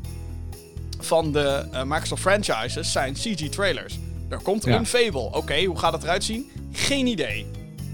We hebben een CG-teaser gezien, maar that's it. En Halo Infinite zag er niet indrukwekkend uit. Dus dat, daar hebben ze echt wel gewoon een probleem. Maar Nou ja, wat ik net wilde, wilde zeggen is... Kijk, PlayStation 5 doet heel veel nieuwe dingen. En ehm, Xbox Series X is eigenlijk de...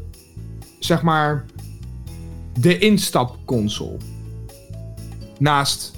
Eigenlijk is de Series X... De Series S dat. ja, ik Xbox net Series zeggen. S.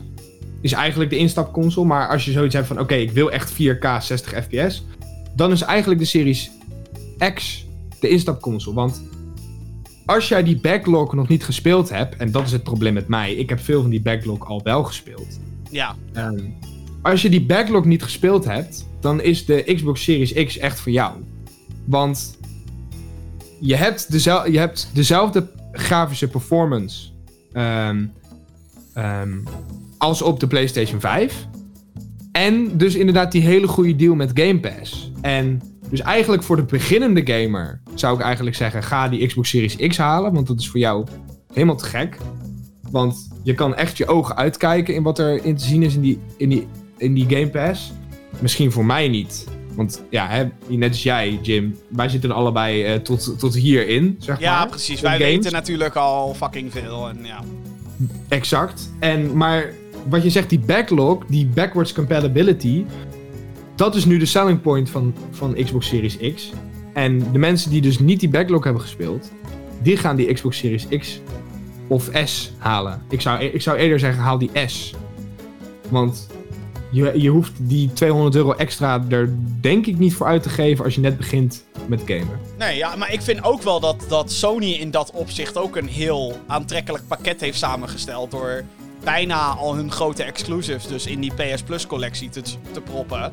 Wat een hele slimme counter is tegen Xbox Game Pass. Het is niet zo Ja. aantrekkelijk als Game Pass. Want wat Game Pass nog aantrekkelijker maakt, is dat je weet dat als je abonnee bent van Game Pass, dat je al die nieuwe titels die gepubliceerd worden door Microsoft, die komen er gewoon bij. En dat Ja. weet je als je eh, daarop, althans dat is de belofte, als je abonneert. Dus dat maakt het nog aantrekkelijker, zeg maar. Die, die library wordt alsmaar groter. En we weten natuurlijk niet wat ze nou uiteindelijk, wat hun plan nou is met PS Plus Collection. Gaat dat groter worden? Ja. Blijft het hierbij als een soort van introductie-ding, weet je al? Is, is dit... Ja. En Wat- wat is het? ehm, wat is het bestaansrecht van PlayStation Now nog?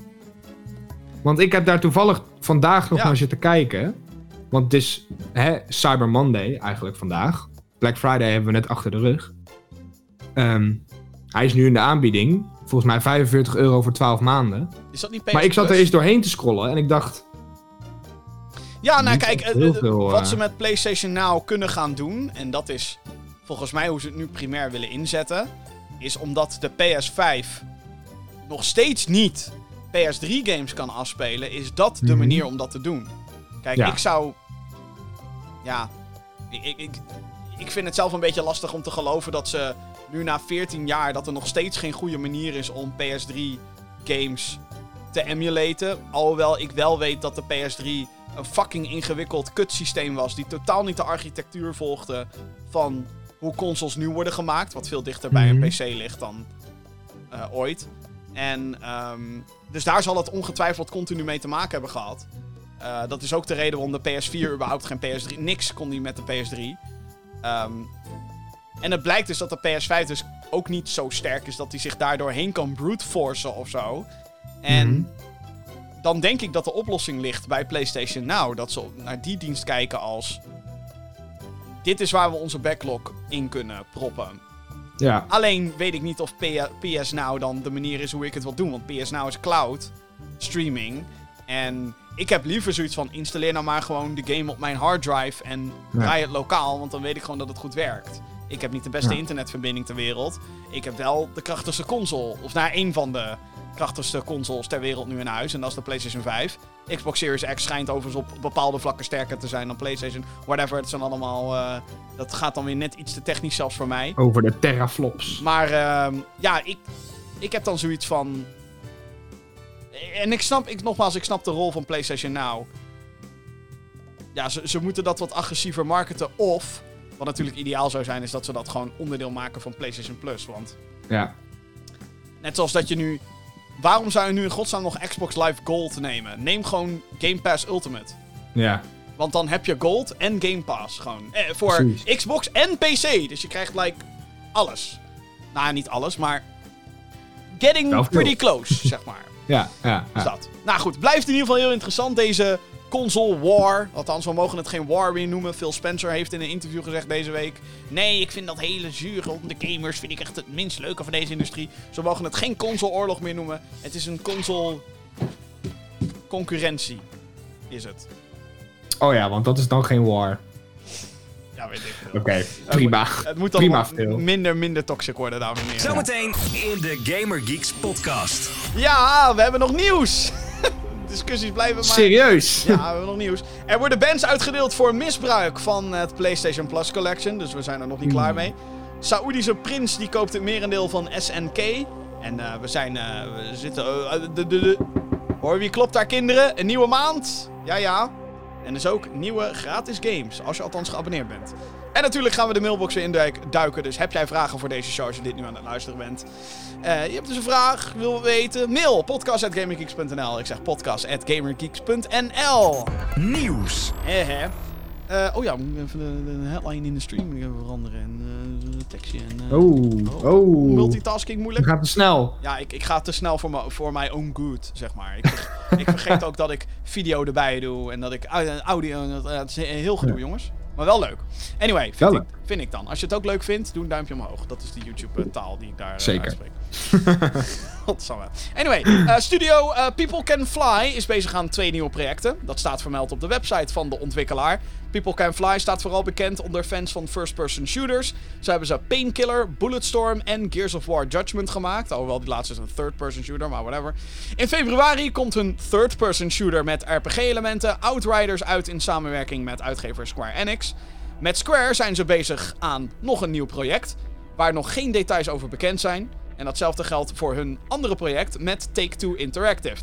Het project in samenwerking met het moederbedrijf van Rockstar en 2K wordt gemaakt door de New York-vestiging, terwijl de andere hoogstwaarschijnlijk in Polen ontwikkeld wordt, daar waar People Can Fly vandaan komt. Wat we wel weten is dat beide games in 2024 moeten uitkomen, waarschijnlijk voor PlayStation 5, Xbox Series X en PC. Dus People Can Fly blijft bezig. Nou, Jeppie denkt, people never, can make games. never, never heard of it.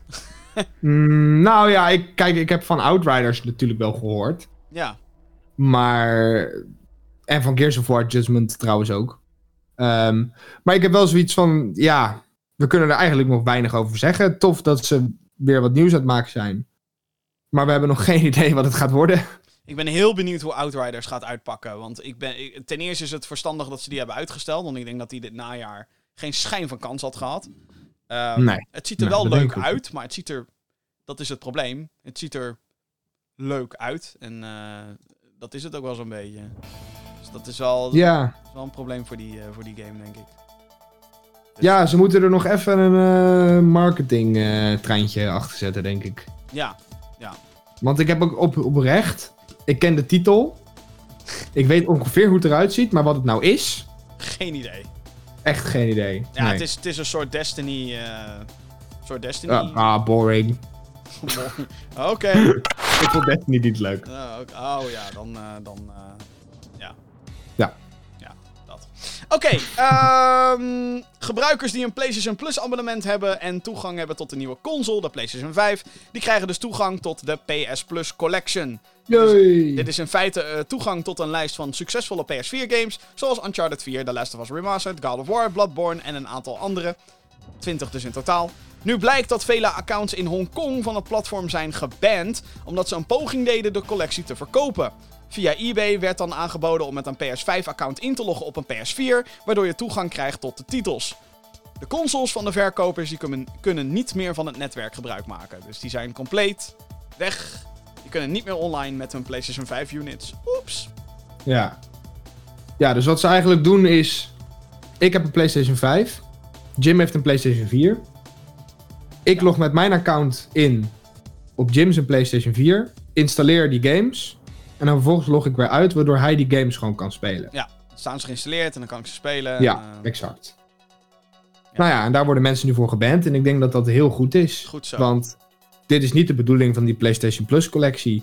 Je verpest het voor, eh, voor de rest. ja, Ja? zeker waar. Zeker.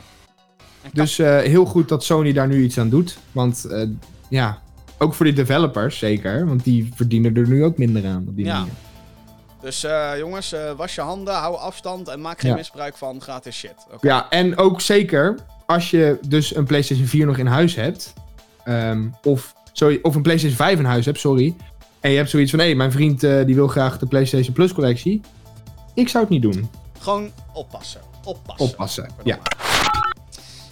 Ja, dit was wel een dingetje. Fans van online titels die niet veel uit te geven hebben, nou, die springen een gat in de lucht. Want eh, eh, Red Dead Online, het multiplayer, of de multiplayer, is het het component of de component? Het component. Het toch? component. Het multiplayer component. Ja.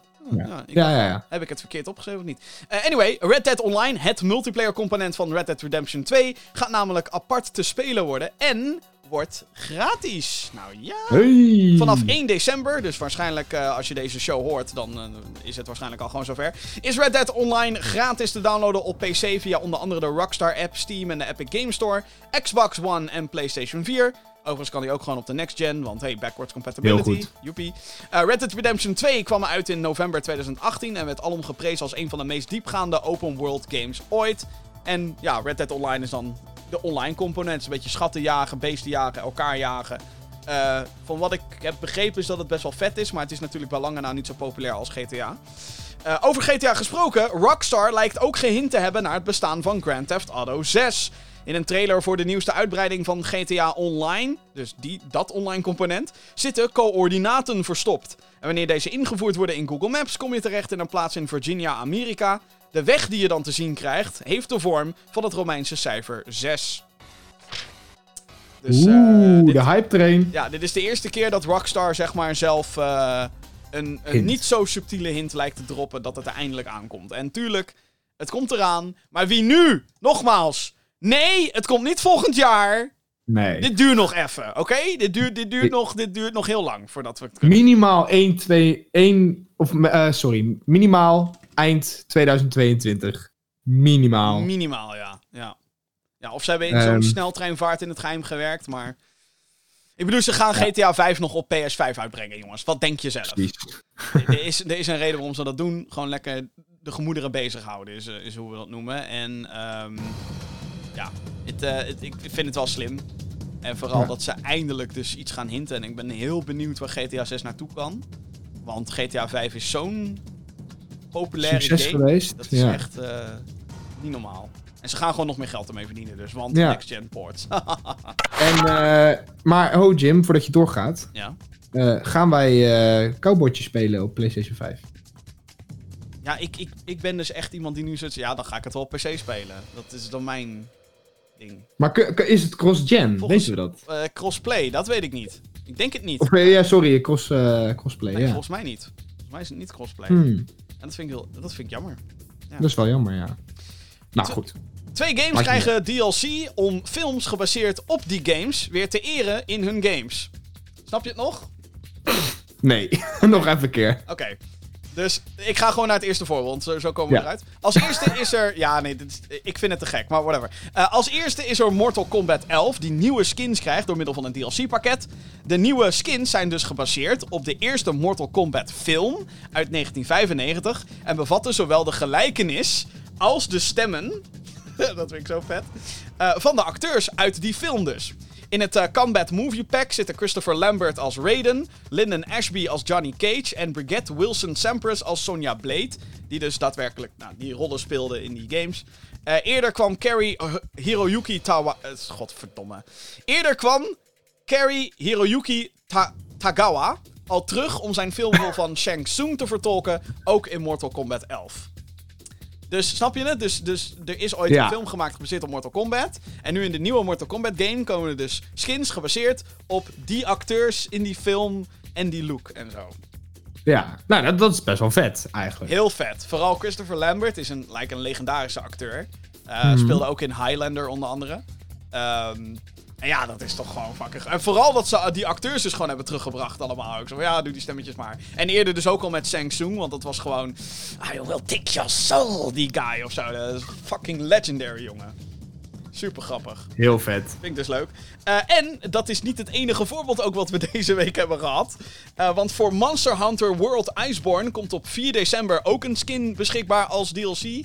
Eh, dit bevat Mila Jovovich als haar personage in de Monster Hunter film. Die op dezelfde dag op eh, selecte plekken in de bioscoop verschijnt. Want hey, COVID. Dus ook daar is een, eh, een crossover. Monster Hunter die crossovert met zichzelf. Ja, nou ja, best wel een goed idee, toch? Denk ik. Ja, tuurlijk. Ja, ik bedoel... Zeker voor die film. Het verbaast me echt dat er gewoon geen Sonic filmgame is verschenen. Misschien om komt hij gewoon- nog wel.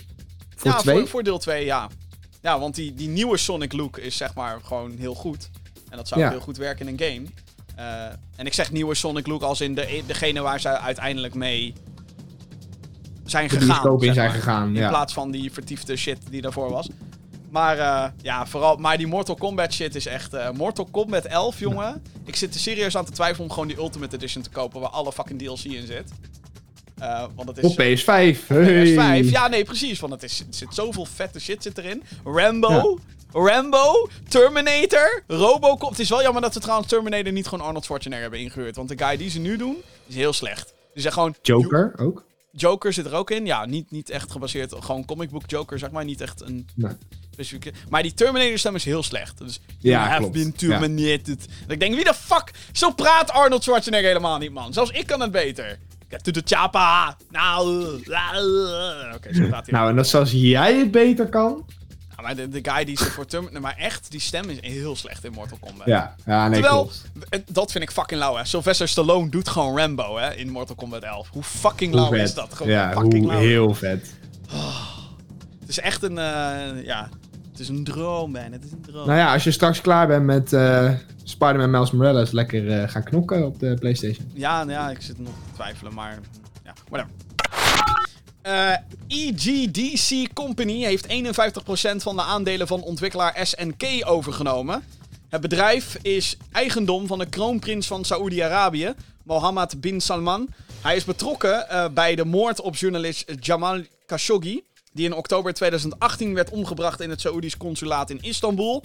Het bedrijf van bin Salman had al aandelen eerder aangeschaft, maar is nu dus tot een meerderheid gekomen met meer aandelen. SNK is een Japans bedrijf en bekend voor de oudere Neo Geo consoles en arcadekasten. Franchises waar ze onbekend staan zijn King of Fighters, Fatal Fury, Samurai Showdown en Metal Slug.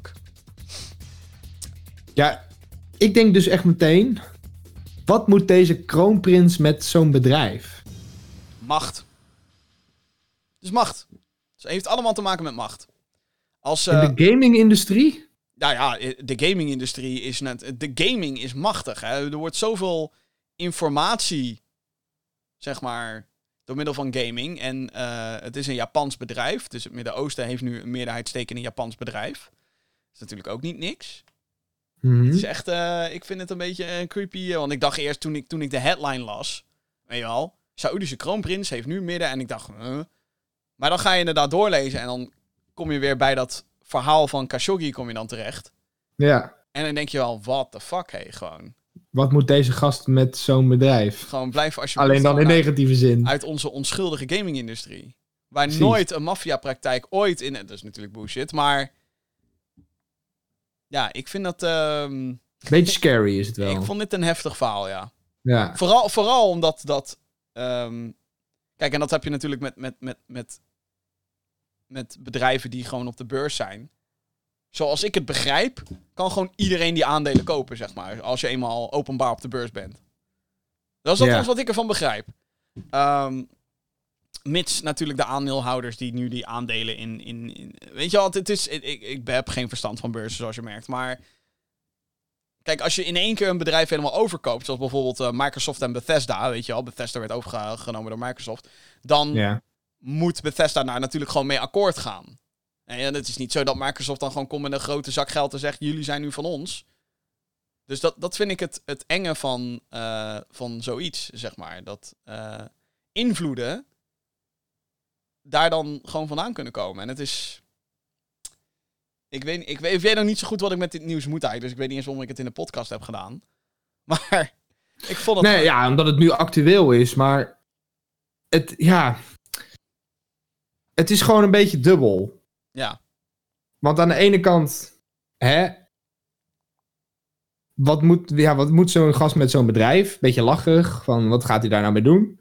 En aan de andere kant, wat kan deze gast gaan doen met zo'n bedrijf? Ik bedoel, deze gast heeft ook gewoon natuurlijk erkend dat hij betrokken is geweest bij die moord. Hè. Dus ook gewoon, daar was Ja. sowieso al geen twijfel over mogelijk. Maar, het, eh, ja, gewoon, eh, ik, ja, ik, ik, vind het, ik vind het raar. Het is een, ja, het is een beetje, ja, het is heel dubbel. Het raar. Dubbel gevoel heb ik erbij. het- Ik weet niet. eh, ja, Nou ja, we gaan het zien. Kijk, gelukkig zijn dit niet hier in, eh, in, eh, in de westerse wereld de meest bekende of meest populaire spellen.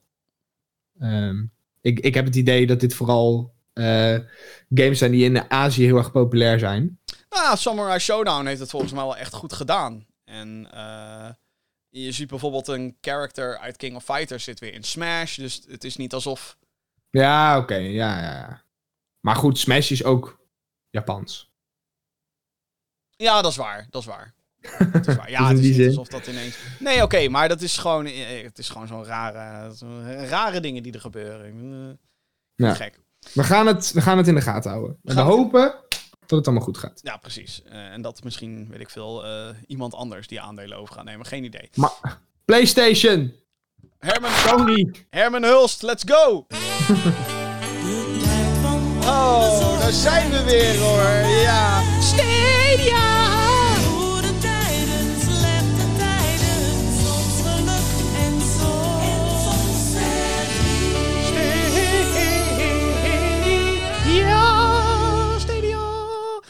Oké, er is weer nieuws rondom Google Stadia, dames en heren. De soap die maar blijft geven.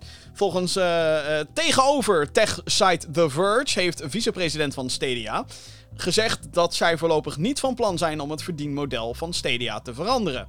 Stadia is een streamingdienst van Google waar games eh, op gespeeld kunnen worden via de cloud. In tegenstelling tot concurrenten zoals Xbox, Project xCloud en PlayStation Now, moet je bij Stadia per game een aanschaf doen in plaats van een vast abonnementsbedrag, waarbij je dan toegang krijgt tot een hele bibliotheek. De vicepresident die zegt erop: het platform is gratis en multiplayer is gratis. Je kan titels krijgen hoe je ze wil krijgen. En voor veel mensen is dat een grote overtuigingsfactor. Press X to doubt. Maar dat is van mij. Eh, Stadia is bezig met een charme-offensief. Als je CD Projekt Red Cyberpunk 2077 pre-ordert op de dienst, krijg je een Stadia controller en een Google Chromecast Ultra er gratis bij. Wat, serieus? Oh. Jim, ik ga pre-orderen. Oh nee, Stadia. oh nee. Jim, dit moet. We krijgen er een Chromecast bij. En een controller. En een controller. Ah, hoe, fuck, hoe de fuck gives a fuck about the controller? Nou ja, eh, Nou, op zich. Nou, nou ehm ja, ik het is natuurlijk gewoon de manier om mensen aan eh, Stadia te binden. Omdat je dan meteen alles hebt wat je nodig hebt om Ja, dat wel. optimaal van Stadia te genieten. mm, Vraagteken. Maar hè, met die Chromecast kan je via de televisie. Met de controller kan je dat dan allemaal doen. Dus dat is Ja. dan... En mensen zijn hyped voor Cyberpunk. En mensen zijn hype voor Cyberpunk. Dus dan zou dat voor sommigen waarschijnlijk wel een overtuigingsfactor kunnen zijn. Alhoewel... ik alsnog daar heel erg aan twijfel. Ik denk dat eh, de PS4 en PC-versies gewoon het beste gaan verkopen. Ehm, ik vraag me wel oprecht wel af welke daar beter in gaat scoren. PC of PS... Waarschijnlijk PS4, maar... Whatever, dat zien we dan Mm, eind- waarschijnlijk, eind ja. december wel. Ehm, Maar eh, ik heb echt zoiets van... Stadia moet gewoon echt een abonnementsvorm gaan aanbieden. Ja, want dit is gewoon. Ik, ik denk.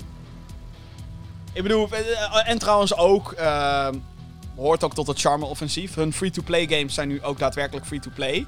Dus Heel daar goed. waar je eerst Destiny 2 gewoon niet kon spelen op Stadia. Ondanks dat de game free-to-play is op andere platforms. Je moest een expansion halen. Is het nu kennelijk wel free-to-play. Dus eigenlijk moet ik ook gewoon een keertje de journalist uithangen en gewoon Stadia daadwerkelijk een keer uitproberen. Want nu kan het met een free-to-play Ja. game. Eh, Ja. Tenzij je alsnog je creditcardgegevens moet invullen. Want fuck you Stadia, daar heb ik geen zin in. Ja, fuck af. Ja. Pleur op. De- ja, nee, ik ga nu weer niet in die rant vallen, maar jullie zijn een van de grootste techbedrijven ter wereld. Doe gewoon fucking PayPal of eh, ja, Ideal. Ik weet niet, kennen jullie misschien, maar... pff. Ja, nee, dat... eh, Ja, ja, nee, ja. Stadia is zo raar. Het is zo'n raar platform. Klopt, ja. Nou, ik vind het, wel- ik vind het eh, knap dat ze al een jaar eh, bezig zijn. Het is alleen dat je er nog steeds geen fuck van merkt dat het bestaat. Behalve dat wij het er soms over hebben. Omdat ik het leuk vind om... Ja, en dat je heel af en toe dus een headline ziet van... Oh, Cyberpunk komt naar Stadia met een controller en een Chromecast. Yay, nog steeds niemand gaat dit kopen. Eh, Ja, hou het ook op, ja, weet je. dat, dat is waar, dat is waar. Ehm, waar we wel, eh, wat we wel gaan kopen, dat zijn tickets. Ja, Ticket. vliegtickets. Vliegtickets. Oh, sorry. Iets te hard, maakt niet uit.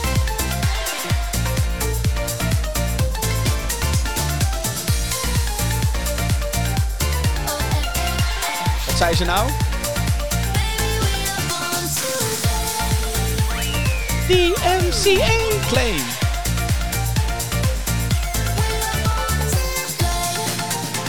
Oké, ja, vrienden. Galantis en eh Charlie XCX en eh, We Are Born to Play. Het officiële liedje Gek. van eh, Super Nintendo World. Ja, ehm ja, ja, ja. Kennen we. Anyway, ehm oh ja, nieuws. Dat had ik. Ja, ik had... Super Nintendo World. Yay! Yay! Joepie. Ja. Ehm, nou, fuck it. Ik zet hem even op de achtergrond aan, joh. Yeah. We worden nou toch Lekker. aangeklaagd. Maakt ook niet uit. Super Nintendo World, een nieuw themagebied in pretpark Universal Studios Tokyo, heeft een openingsdatum. Ja, ja. Zou eerst deze zomer had het moeten gebeuren, maar... Nou, we weten allemaal wat er eh, gebeurd is in de wereld. Je gelooft het niet. Allemaal uitgesteld. Ehm, wat was ik? Oh ja, het gebied is voor een merendeel gebaseerd op de Super Mario franchise en heeft eh, een tweetal attracties. Een Mario Kart 8-baan en een Yoshi Ride. Daarnaast kunnen bezoekers met een smartband minigames spelen rondom het park. Op 4 februari 2021 gaan de deuren officieel open voor Super Nintendo World. Het is natuurlijk nog maar de vraag in hoeverre er bezoekers naartoe kunnen in verband met de COVID-crisis.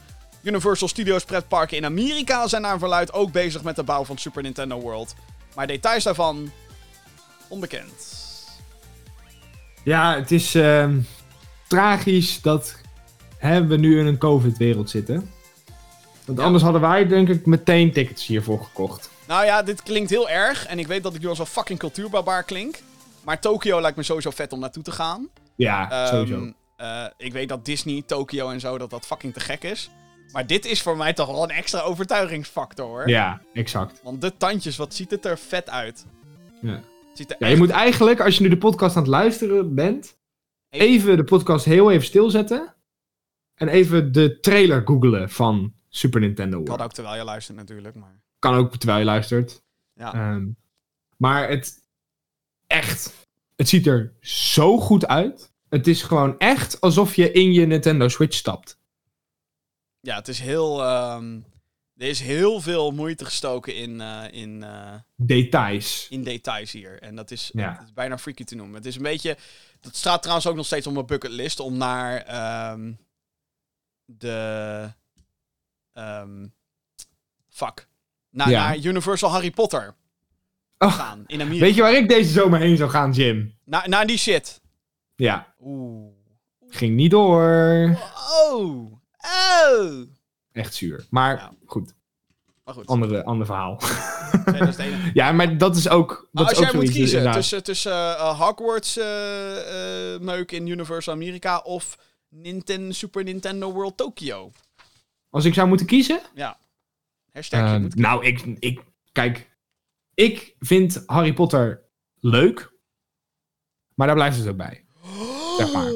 Ik ben geen mega Harry Potter fan. Ik heb alle films gezien. Mhm. En daarna had ik zoiets van: oké, ik heb het nu gezien. Het was te gek. Maar. Verder deed het niet heel veel met me of zo. Lily. Dus ik ga 100% naar Super Nintendo World. After all this time. Always. Ja. Rip Snape. Maar ik, ja, ik. ik eh, nee, ik, nou, maar dat is weer een heel andere discussie. Ik vond Spoilers. Harry Potter Sorry. wel leuk, maar. ja, Nee, wel ik, hyped voor de game. ik zou wel... eh, dat zou voor mij ook wel een twijfeltje zijn, hoor. Want die, die, ook die Hogwarts-wereld die ze hebben gebouwd, jongen. Oh, dat is zo... Oeh. Het zag er wel heel ziek uit. Heel ik had vet. ook wel echt zin om daar naartoe te gaan. Ja. Maar ik ben, ja, het is gewoon heel vet. Een, een Nintendo pretpark, daar gedeelte, weet je wel. Ja. Ik denk dat de, de, de, de- wat, wat ik sowieso, wat echt op mijn bucketlist staat, is om gewoon, ik moet daar waarschijnlijk fucking een, een fortuin voor sparen of de loterij winnen voordat ik dat ooit kan gaan doen. Maar goed. Of een hele rijke vriendin scoren, dat kan ook. ik ben single. Laat maar komen. Ehm, maar ehm, de, eh, eh, wat op mijn bucketlist staat is om naar Amerika te gaan en daar gewoon al die fucking parken af gaan. ja. Eh, Disney, Orlando, Star Wars fucking Galaxy's Edge, fucking Universal daar met Harry Potter en alles erop en eraan. Hou op, Jim. Ik zou er allemaal naartoe gaan deze zomer.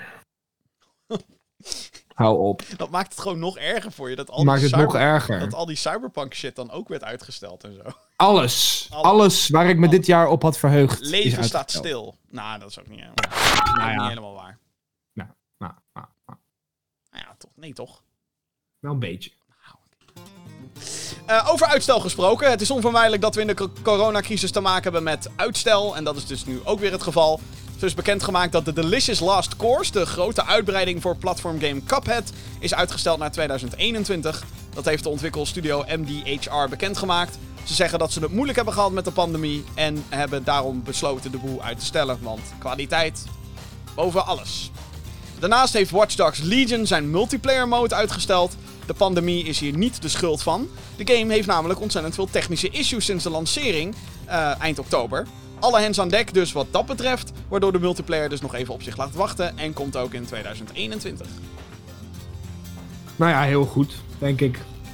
Ja, goede beslissing van Ubisoft, eh, want eh, Ja.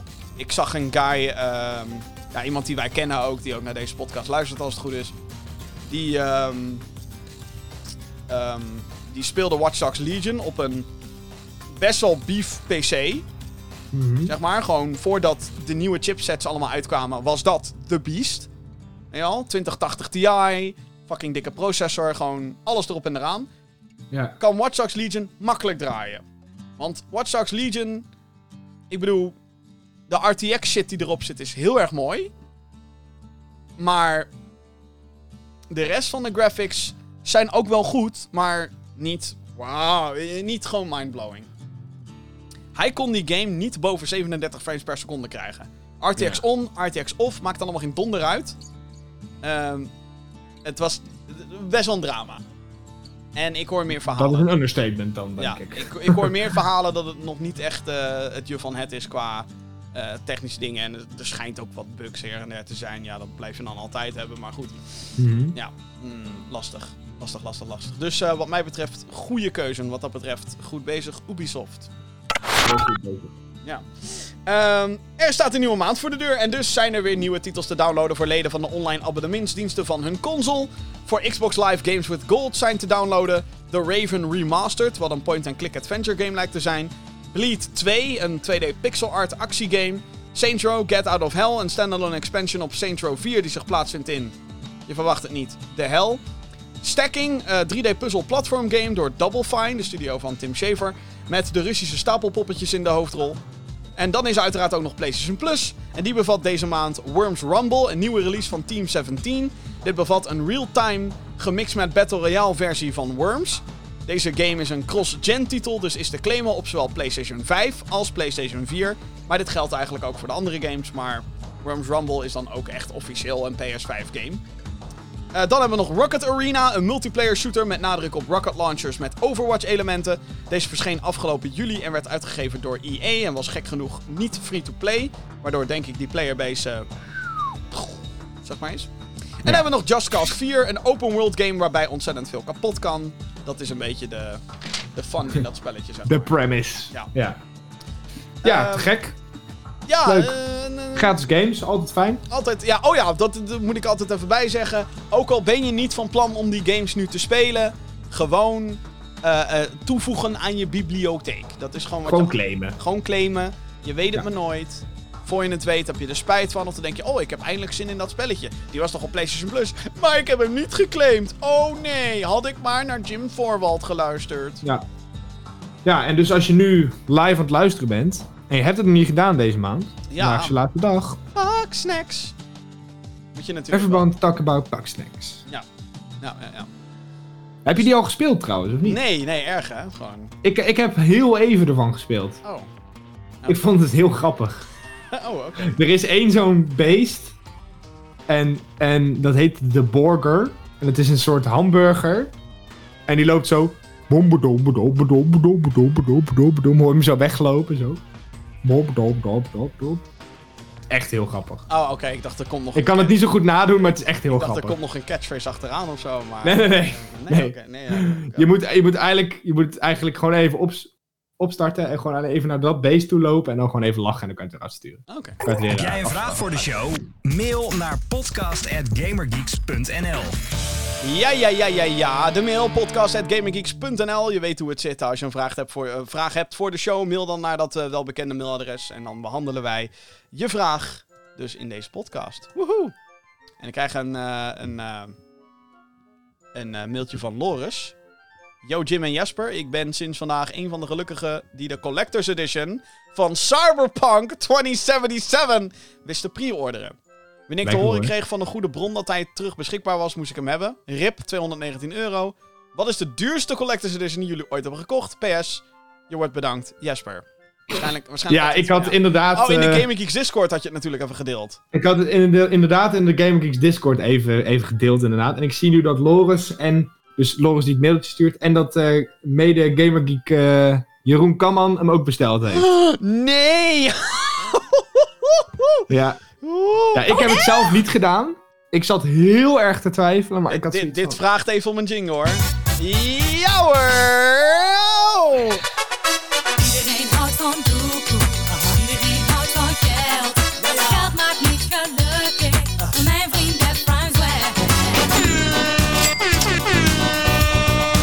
Ja, oké. Dus jij hebt gewoon ervoor gezorgd dat CD Projekt Red even 440 euro rijk Ja. is. Ja.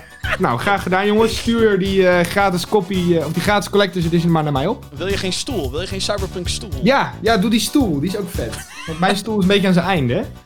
hè? Oh jeetje. Ja, vet. Nee, maar eh, ja, ik zat er heel erg te twijfelen om het zelf te doen. Maar ik dacht toch ook wel bij mezelf van ja, ik vind wel heel veel geld. De stoel bedoel je?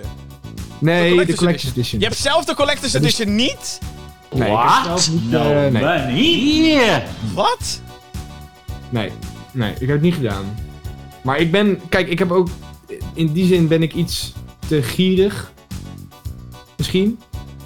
Want ik heb natuurlijk, we zijn natuurlijk bij, bij Cyberpunk geweest op Gamescom. Ja, En toen kregen we zo'n kek jasje. ja. Ik heb zoiets van, ik heb het jasje al. Meer heb ik niet nodig van Cyberpunk. Ja, maar je hebt geen beeldje. Nee, ik heb geen beeldje, nee. Maar En ik heb er straks twee. daar kan ik op zich mee leven, dat ik geen beeldje Ik heb. heb er straks twee. Ik heb namelijk de Gamescom Ja, gaat hij hem laten zien hoor. Ja hoor. 2018 statue heb ik. Ja hoor. Ja hoor. Ja, ik weet het Jim, dat jij de 2018 statue hebt, Jim. Maar jij, jij hebt niet zoiets van eh Collector's Edition. eh. Nee, nee, nee. Ik vind het toch wel veel geld. En uiteindelijk gaat het bij mij toch om de game. Oké. En daarbij, daarbij, mijn kamer boven staat al zo vol met zooi. Dat ik echt dat ik niet eens zou weten waar ik die Collector's Edition neer zou moeten Ik zetten. weet echt niet waar je het over hebt als het gaat om zooi hoor. Het is echt Nee, gewoon, eh, jij niet. Jouw hele, jouw hele Oh. kamer puilt langzaam over. Ah, sorry, iemand praat tegen me. Dus, Waarom heb je een Baby Yoda gekocht? Oh, gro- heb je de laatste aflevering gezien? ja, ja, ik heb de laatste one gezien. Oké, lichte spoiler voor de Nee, nee, nee, nee, Mandalorian geen aflevering. spoilers, maar ik heb een kindje. Toch? Mag niet zijn naam noemen. Het is toch helemaal niet nodig om het concept van mijn kindje... Baby Yoda. Het is Baby Yoda. Oké, gaan, we, gaan we slapen. Drie. Oké. Wat, maar Jim, waarom heb je dit gekocht? Het, eh, Ik heb bijna geen Black Friday purchases gemaakt, behalve dit. En ik zag het in de... Ik vond het al heel vet, zeg maar. Want het ding... Nou, ja, even voor de context. Is dus een poppetje van, eh, van Baby Yoda. En ehm, Uit de Mandalorian. uit de Mandalorian. Ja, die is een ontzettend vette Star Wars serie. Eh, en die beweegt dus helemaal en maakt geluidjes en zo. En ik vond het zo vet dat ik zoiets had van... Ja, dit wil ik. en toen zag ik het in de aanbieding voor Black Friday en toen dacht ik... Nu wil ik het nog meer. Dus eh, dat. Oké, Jim, is goed. Eh, ik word 30 deze week, even ter. Ja, geef niet. Hallo. Ik heb trouwens ook een Doom poppetje, die heb ik ook hier. Hè, zodat... Ja, oké, maar die is wel lauw. Wat? Wacht even, over een Star Wars poppetje zeg jij. Notabene The Child uit de fucking Mandalorian zeg jij. Waar geef je je geld aan uit? En tegenover een Doom guy zeg je, dat is wel lauw. Dat snap ik niet. Van- ja. Vanuit jou, zeg maar. Ja. Ja, dat vind ik gewoon... Oké, ja nee, ik vind het leuk dat je Doom leuk vindt. ik vind dat Doom-poppetje gewoon nog steeds heel lauw. Die heb jij ook op Gamescom gekocht. Ja, ja, dat klopt, ja. ja, ja. ja. Doom guy. Die, ja, die, v- die vind ik gewoon nog steeds heel lauw. Ja. Ja. Maar ook vooral omdat het dus iets... Ja. Maar even, even Nou, terug naar... Dat is de Baby ook Want we, we hadden een vraag. Je ja. gelooft er bijna Oh ja. De duurste Collector's Edition die je ooit hebt gekocht. Ik ga nu heel hard nadenken over welke dat bij mij is geweest. Nou, ik, ik, ben heel snel klaar. Eh de S- Spider-Man Miles Morales Ultimate Edition. Echt waar? Ik heb nog nooit een Collector's Edition gekocht. Oké. Nee. Nee, ik, ik, ik weet niet. Ik vind het toch gewoon altijd zoveel geld. Dat, ik waar. zoiets heb van, wil ik al die meuk voor, voor al dat geld? Kijk, als ik... Bijvoorbeeld als je kijkt nu naar Cyberpunk, hè. Mhm. Als ik dat beeldje los zou kunnen kopen, dan zou ik het doen. Zeg maar. Dus als ik de game met een beeldje zou kunnen krijgen, zou ik het doen. Ja. Maar al die andere meuk, daar betaal ik ook voor. Daar heb ik zoiets van... Ja, wat moet ik er nou eigenlijk mee? Stickers, eh, postkaartjes zaten erin. eh, Maar ook een soundtrack? Weet ik niet. Ik, ik weet, eh, dat is het digitale soundtrack, Ik, geloof ik ik. pre-order het zo ver van tevoren altijd, die Collector's Editions, dat ik als ze aankomen niet meer weet wat het is. Maar dat vind, wat erin zit. En dat vind ik leuk, want dan houdt, blijft er een soort verrassingsfactor over. Ja. Dus als ik genuinely, eh, genuinely teleurgesteld ben met een Collector's Edition, want ik unbox ook altijd voor youtube.com slash GameGeekSnel, abonneer op dat mooie YouTube kanaal. Ja. Eh, dus mensen zijn dan soms verbaasd van, ja, hoe kan je nou teleurgesteld zijn? Je weet toch wat je koopt? Ja, maar dat is zo lang geleden. het echt... ja. Maar goed, eh, antwoord op de vraag. De duurste Collector's Edition die ik heb gekocht. Ik heb net even gekeken zeg maar, naar die grote stapel dozen achter mij. De duurste was 250 euro, geloof ik. En dat was de Resident Evil Remake 2 Remake Collector's Edition. Dat is ook een fucking grote doos. Gemodeld naar zeg maar de storage box uit de game, wat dan al vet is. Er zitten sleuteltjes in en er zit een best wel big ass statue van Leon S. Kennedy zit erin. En natuurlijk de game en in een speciale steelbook en dat soort shit. De soundtrack ook zat erin. Er zat echt wel van alles en nog wat in wat ik heel vet vond en wat ik ook wil in een collector's edition. Ehm, was het duur? Ja, dat was wel de dure kant. Dat was wel aan de dure kant. En voor de rest, ja, daaronder zit dan waarschijnlijk de Doom Eternal Collector's Edition, want die, die was 200 of zo. Zo dan. Zo. Zo dan. duidelijk, duidelijk. Maar eh, ja. Door naar het volgende mailtje. Maar ik heb Lekker, wel... Maar oh, mag ik nog even iets zeggen? Ja, nee, dat mag. Ehm, zal ik jou zo vertellen over Cyberpunk?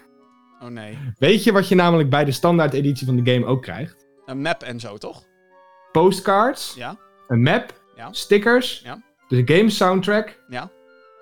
Eh, en nog heel veel digitale shit. Oké. De, ga- de game soundtrack is ook trouwens digitaal. Dus daarvoor hoef ik al dus de Collector's Edition niet Nee, te precies. kopen. Nee. Even kijken, wat, wat zit er nou daadwerkelijk in die fucking Collector's Edition? Want nu wil ik het gewoon weten. Even kijken hoor. Collector's Edition doos. Joh. Joh. You don't say. Dankjewel. Eh, even kijken. Oké, ja, alle digitale goodies zitten erbij. Eh, case met game discs. Nou, je verwacht het niet. Nou, die zit ook bij de standaard editie. Verzamel steelbook.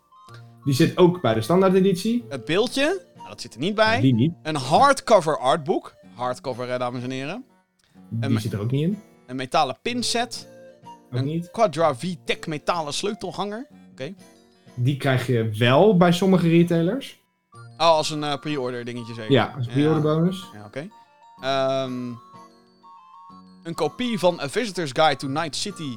Gesloten in een NCPD bewijszak. Oh ja. Te gek. Patches. Wereldcompendium waarin details eh, staan van de game setting en lore. Die krijg je ook bij de standaard editie. Maar is dat een boekie? Ik zie wel echt gewoon een dik boek zeg maar erbij zitten. Dus dat zou ik wel Die, er staat hier, de game bevat bij de, de, de standaard editie, hè. Ja. Dus een MRA case met disc. Ja, En dan wereldcompendium, waarin details staan over de game settings en lore. Oké, ja. Postcards, een kaart en stickers. Oké, ja, dus de, de meer, meer... Maar ik was nog niet klaar, hè? Nee, nee, nee. Geborduurde... Oh nee, die zei ik al wel. Nou, de, de postkaarten, kaart van Night City, sticker, bomb set, whatever the fuck dat is. Ja, dus die krijg ik ook. Maar de hardcover meuk dus allemaal niet. Nee, de hardcover niet. En het beeldje ook niet. Ik vind dat beeldje wel heel vet ook, overigens. Dat is wel ja, die is wel heel vet. Als ja. ik het beeldje niks vind, dat zeg ik wel. Als het beeldje me echt niks lijkt, dan haal ik ook vaak de Collector's Edition niet. Nee. Want eh, dat was bijvoorbeeld het geval met Watch Dogs Legion. Toen zat ik eerst van, oké, die game lijkt me wel echt heel vet. Maar toen zag ik, zeg maar, dat beeldje. En dat was dan zo'n zo'n masker. En toen dacht ik, mm, het is... En ik had al zo'n... Ik had al Ghost of Tsushima, die heeft al zo'n masker, zeg maar, als beeldje. En dan denk ik, wil ik dan nog een masker... En ik had de Doom Eternal helm al. Dus ik heb al twee keer een helm slash masker als Collector's Ja, Edition. Ik had ook heel erg getwijfeld over Avengers Collector's Edition. Want daar zat zo'n groot beeldje bij van Captain America, die ik wel vet vond. Maar toen dacht ik, 250 euro voor Marvel's Avengers. Want ja, uiteindelijk steek je hem natuurlijk soort van in die game. Ja. Nee. Nee. Nee. Nee, dat, ging voor mij een beetje te ver. Dan hadden ze misschien wel hun kosten terugverdiend. Als iedereen een Collector's Edition, eh, ja. Ja. Even kijken, Tim die heeft gemaild. Hoe lang doen jullie aan YouTube? Waarom zijn jullie begonnen met YouTube? En is dit jullie fulltime baan? nee. Die laatste sowieso niet. Was het maar zo. Was het maar zo, ja. Nee, eh Gamer Geeks behaalt niet de kijkcijfers, dan wel de advertentieinkomsten. Lees nul. Eh advertentieinkomsten om eh, hiervan een, een fulltime baan te maken. Nee. Nee. Nee. Nee, dit is, dit is een vrijwillig project. Die wij voor de leuk doen. Eh, waarom we. Of nou, hoe lang doen jullie aan YouTube? Nou, ik, doe eigenlijk actief YouTube sinds Gamer Geeks. En Gamer Geeks bestaat al sinds oktober, september 2012. Dus acht jaar. En waarom? Ehm, nou, als we het gaan hebben over het ontstaan van Gamer Geeks. En dat is niet per se het ontstaan van deze podcast. Want deze podcast kwam een stuk later. Dan, eh, dan het, eh, 2017 zijn we volgens mij begonnen met deze podcast. Ehm, maar waarom we toen de tijd begonnen waren met Gaming Geeks... is omdat wij vonden dat eh, heel veel eh, eh, reviews niet meer eerlijk durfden te zijn. En niet meer kritisch durfden te zijn. Dus Assassin's Creed Unity kreeg een 9 out of 10, zeg maar, bij wijze van. Hè? Call of Duty kreeg elk jaar een 9 out of 10. En gelukkig is dat wel, merk ik, een beetje veranderd. FIFA krijgt dit jaar bijvoorbeeld daadwerkelijk kritische reviews. En het is niet alsof iedereen in 2012 kut reviews maakte. Verre van zelfs. Maar ja, eh, ik, ik, ik, ik wilde wat met games gaan doen. En ehm, ik ben iemand die al podcast maakte over games. Ik ben iemand die, eh, die, die eh, radio maakt. En ik vond video ook super interessant natuurlijk. Dus dat is er toen soort van bijgekomen. En daar is ook allemaal televisiemeukers erbij gekomen. Het is allemaal... Dus eigenlijk, waarom, waarom doen we Gaming Geeks en waarom zijn we begonnen? Omdat we het leuk vonden. het is gewoon, Ja, daar we, komt eigenlijk we houden van, ja. We zijn een, een groepje gepassioneerde gamers die toevallig ook eh, eh, een affiniteit hebben met media. En dat is eigenlijk waar die combinatie vandaan komt. Ja, eigenlijk wel, ja. Ja. En ik weet niet of Ja. dat ook voor Jesper geldt, want Jesper kwam er sinds twee jaar inmiddels? Twee jaar, tweeënhalf? Eh, ja, december 2018 kom ik erbij. Jezus, twee jaar al. Officieel. Of november, een van de twee. Ik weet het ook allemaal. Maar ehm, ja, waarom ik erbij ben. Kijk, jullie waren natuurlijk al even onderweg. En ik had zoiets van. het allemaal kut? Wat jullie doen. wat? Je vond het allemaal kut? Jij denkt dat kan beter? Nee, nee, nee, nee. Nee, ik had zoiets van. Jullie doen. Dat wil ik eigenlijk ook gaan doen. Zeg maar. En Hoorde ik ik, nou had zoiets van. Oké, nu ben ik nog jong. Schelden? Nee. Oh, oké. Nou ja, ook schelden. Dat hoort er wel een beetje bij natuurlijk. Maar vooral gewoon praten over games, je mening erover geven en ehm, daar content over maken, zeg maar. Ja. Want ik ben, ik ben van origine ook een contentmaker. Ik ben ehm, filmmaker in opleiding nu. Ehm, dus in die zin is, eh, wordt het ook een beetje mijn werk later, hopelijk. Rising Television Star, NPO eh, The Game. Ja. ja. Misschien, misschien. Je weet niet waar het naartoe gaat. Misschien denk je van, oh, die heeft vroeger nog bij Gamergeeks gezeten.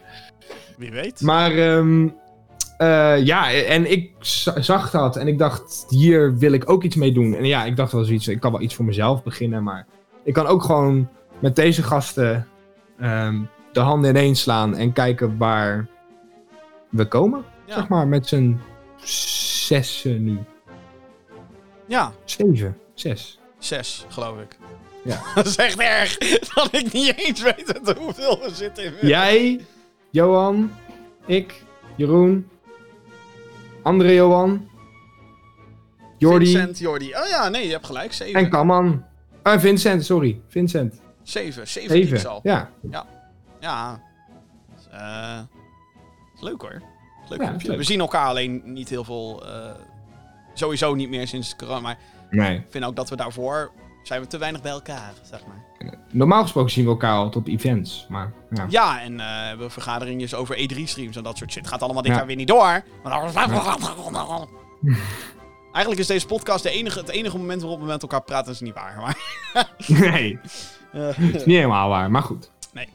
Oké, eh, wel een leuke vraag. Iets wat insight, maar hey, ook dat hoort erbij natuurlijk. Hè? Eh, heb je dus een vraag voor de show? Eh podcast.gaminggeeks.nl Ik herhaal, podcast.gaminggeeks.nl Mailbox minigame. Eh, Vorige week kreeg ik al wat mailbox minigames binnen. Eh, toen duurde de show, nou ja, ietsjes langer dan dat die nu duurt. Ik dacht, het is al genoeg. Dus laten we vooral de lengte weer lekker lang maken. Met mailbox minigames. Eh, we hebben twee verschillende minigames vandaag, Jesper. Zullen we er eentje doen of doen ze allebei? We doen ze allebei. Oké. Ehm, wil je eerst ditje of datje doen, of wil je eerst de rating doen? Zo, is, zo noem ik hem bij deze. Oh. De rating. Ehm, nou, laten we beginnen met de ditjes of datjes. de ditjes Dat of datjes, Dat dames. vertrouwd. Die doen we bijna elke week. Ja, dat is waar. Eh, Marijn die heeft weer een nieuwe editie van ditjes of datjes heeft hij ingestuurd. Het principe is simpel. Eh, we moeten kiezen. En meestal gaat het dan over de games natuurlijk. Nummer 1. Watch Dogs 2 of Mafia 3? Watch Dogs 2. Ik denk voor mij ook. Mafia 3 vond ik... die heb ik wel gespeeld. Watch Dogs 2 niet. Maar ik vond Mafia 3 teleurstellend op alle fronten. Ja. Ik heb Watch Dogs 2 wel gespeeld en Mafia 3 niet. En ik vond Watch Dogs 2 best wel goed. Ja. En nummer 2. Uncharted 4 of The Last of Us Part 2? Hmm, allebei niet gespeeld, maar ik denk Uncharted 4. Voor mij, ik kan die keuze wel maken. Ik ga voor Uncharted 4 dan. Ik vind The Last of Us Part 2 te lang, te saai, te ambitieus. Of nou, het, is, het wordt saai omdat het te lang is. Met Ja. te weinig gameplay vernieuwingen. Maar goed, whatever. Eh, kijk mijn review. GamerGeeks.nl Hey. Nummer 3. Uncharted of The Last of Us. En dan gaat het over de theme song. Oh, Uncharted. Ja, ik vind Sowieso. Uncharted ook te gek. Ja, ik vind de Last of Us theme vind ik ook te gek. Dat hele rustgevende banjo geluid is zo iconisch The Last of Us. Maar ja, Mhm. Uncharted is ook gewoon vet. Ja, het is, het is maar net in wat voor stemming je bent, denk ik, voor deze. Ja, zeker. Nummer 4. of nee, sorry, nummer 3. Oh, daar staat twee keer nummer 3. Oh, Oh. cheater. Oh, Oh. cheater. Cheat. Oké, whatever. Eh, Call of Duty World War 2 of Battlefield 1? Battlefield 1. Ik vond dat- Battlefield 1 echt gek. Ik, vind- ja, ik vond Call of Duty World War 2 dus ook heel vermakelijk. Dus ik denk dat ik voor Call of Duty World War 2 ga, denk ik. Oké. Ik weet niet. Ik weet, Ja, ik, ben, ik, vind, ik vind gewoon de setting, de Eerste Wereldoorlog, gewoon heel vet. Vind ik ook vet. Ja, ja, ja. Ja, nee, is ook wel vet. Alleen Battlefield 1 maakt dat wel heel erg Michael Bay. Maar goed, whatever. Ja, Ja, het dat is is wel heel vet. Ja. Ja. Machinegeweren in de Eerste Wereldoorlog, die Gewoon waren een, fucking goed. ridderpak. eh, ik, ik heb de laatste paar jaar best wel wat World War 1 geresearched, maar ik heb nog nooit een ridderpak met een minigun gezien, laat ik het zo Nee, zeggen. ik ook niet. Anyway. wel armor trouwens, ze hadden wel daadwerkelijk armor plate vesten hadden. Ja, ja, die wel. Ja, ja, klopt. Eh, volgende, Detroit Become Human of A Way Out. Ik denk Detroit Become Human. Maar A Way Out is ook een... Mm, Ja, ik heb Detroit dus nog niet gespeeld, dus ik ga voor A Way Out. A Way Out is ook ontzettend goed. Dus, eh, Ja, heel vet. eh, GTA 5... oh, nee, sorry. GTA 4 of Red Dead Redemption 1. GTA 4. Red Dead Redemption 1. Dan ga ik Echt? daarvoor. Ja. Oh. Ik vond GTA 4 met... met Nico. ja, oké, misschien niet helemaal eerlijk, maar met cheats op PC. helemaal geweldig. Ik heb met Red Dead Redemption 1, het is een van de weinige keren dat ik Vincent echt te grazen heb genomen, zeg maar. Game ik Vincent. Ik zei namelijk, eh, ik had toen die game en die gingen we dan, eh, dat was in zo'n periode dat we nachtenlang alleen maar achter de PS3 gingen spelen. Lang geleden, daar opa verteld. En toen eh, zei ik tegen hem van, er is een personage dat heet Bonnie. En ik zeg zo tegen hem, van ja, je kan Bonnie rapen in deze game. Je kan gewoon Bonnie rapen in deze game. En hij, Ja. Nee, kan dat? Ik zo, ja, je kan Bonnie rapen in deze game. Er is echt heel veel controverse over, maar je kan helemaal niet. Het is fa- pure bullshit. Maar hij ging dus doorspelen als een motherfucker. Om eindelijk die keuze te kunnen maken. Vond hij niet leuk. Volgende. Nee. Far Cry 3 of Far Cry 5? Ik ga voor Far Cry 3. Far Cry 3. Baas is de baas. Snapt. Assassin's Creed Black Flag of Assassin's Creed Origins? Oftewel, Black Flag. Piraten versus Egypte. Piraten, ik ook. Black Flag. Eh, Tom 100%. Clancy's Rainbow Six Siege of Tom Clancy's The Division? Allebei niet gespeeld.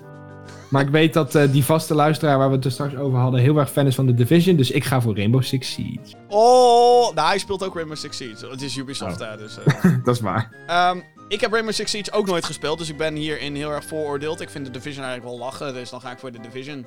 Ik heb echt gewoon pressure, te veel pressure. Als ik denk aan Rainbow Six Siege, tactische shooter, dan denk ik, oh god. En als ik dan Dat ga, kan ik ga lopen en dan gaan mensen, "Oh, wat doe je? Nee, nee, nee, nee. nee. Dan, Ja, dan, dan nee, maar zuigen in Call, dan maar zuigen in Call of Duty, weet je wel. Eh, Precies. Volgende PS2-generatie of PS3-generatie? Als in de generatie mensen of de generatie consoles? Oeh, ik denk consoles. Maar. Eh, ja, ik heb zelf de PlayStation 3 niet gehad, maar de PlayStation 2 wel. Als kind. Speelde ik Dora de game op. Wauw. Dus ik ga voor PlayStation 2. Ik denk dat ik ook voor PS2 ga, man. Dat was gewoon zo'n compleet andere tijd van gaming. Dat was zeg maar de laatste traditionele console, zeg maar. Het had nog geen operating system. En, en het had wel media-opties, als in je kon DVD's afspelen. Dat was toen een ding.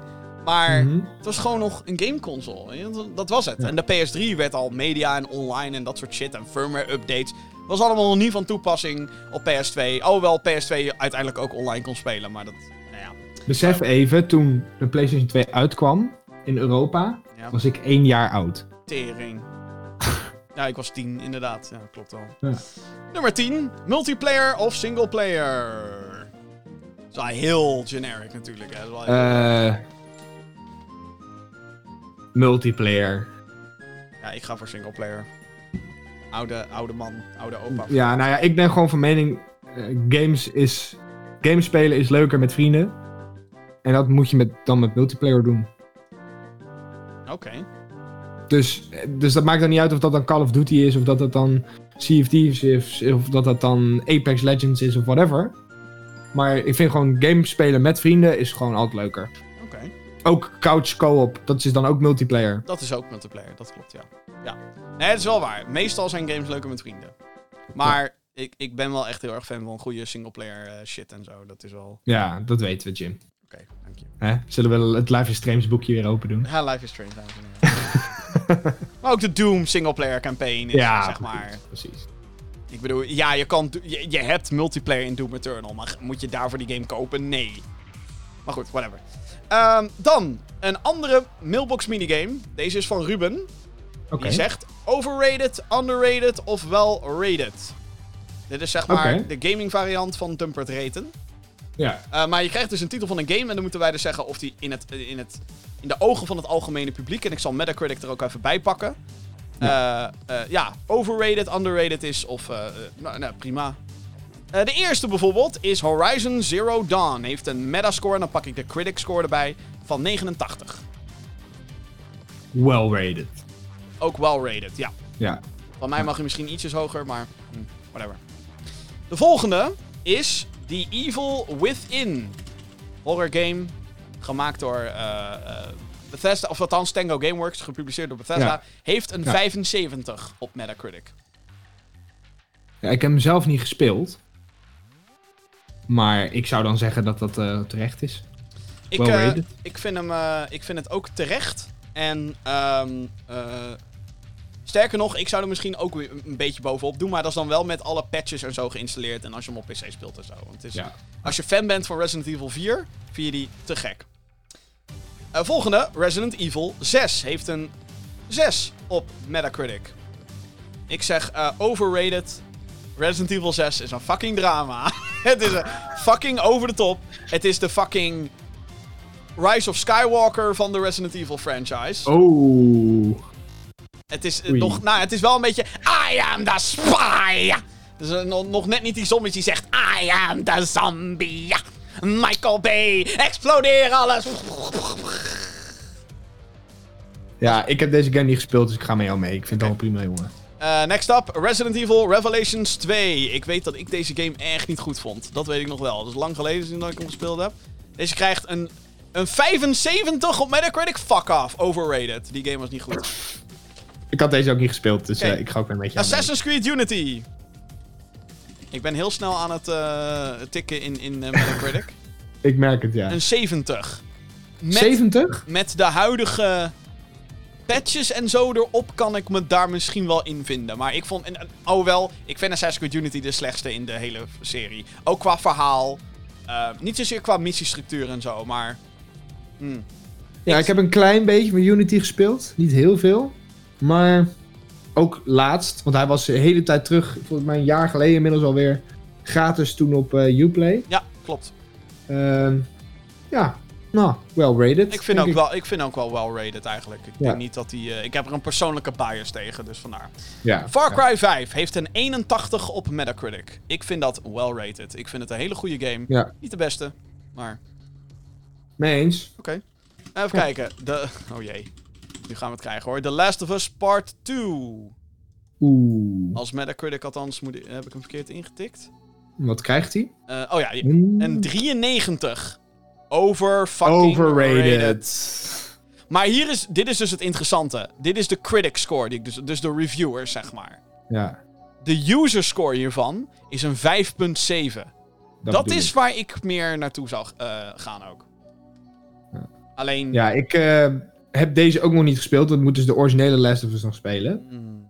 Maar als ik het dus moet geloven, is die 90, kreeg die? Ja, 93. 93, overrated.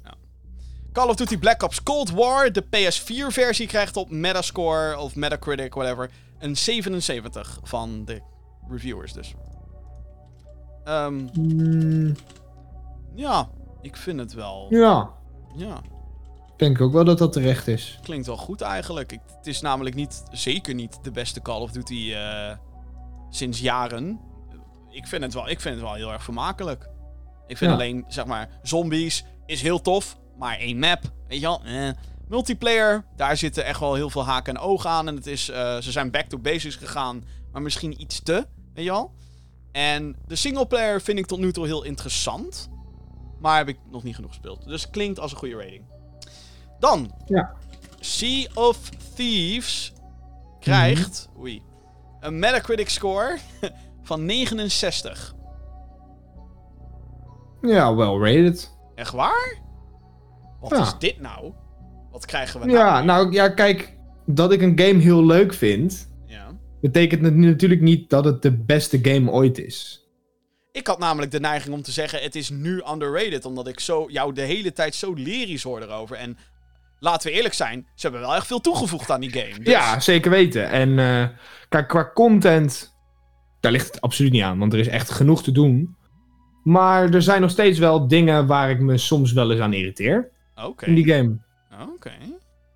Bijvoorbeeld, ehm, nou ja, daar kan de game niet echt iets aan doen, maar andere spelers.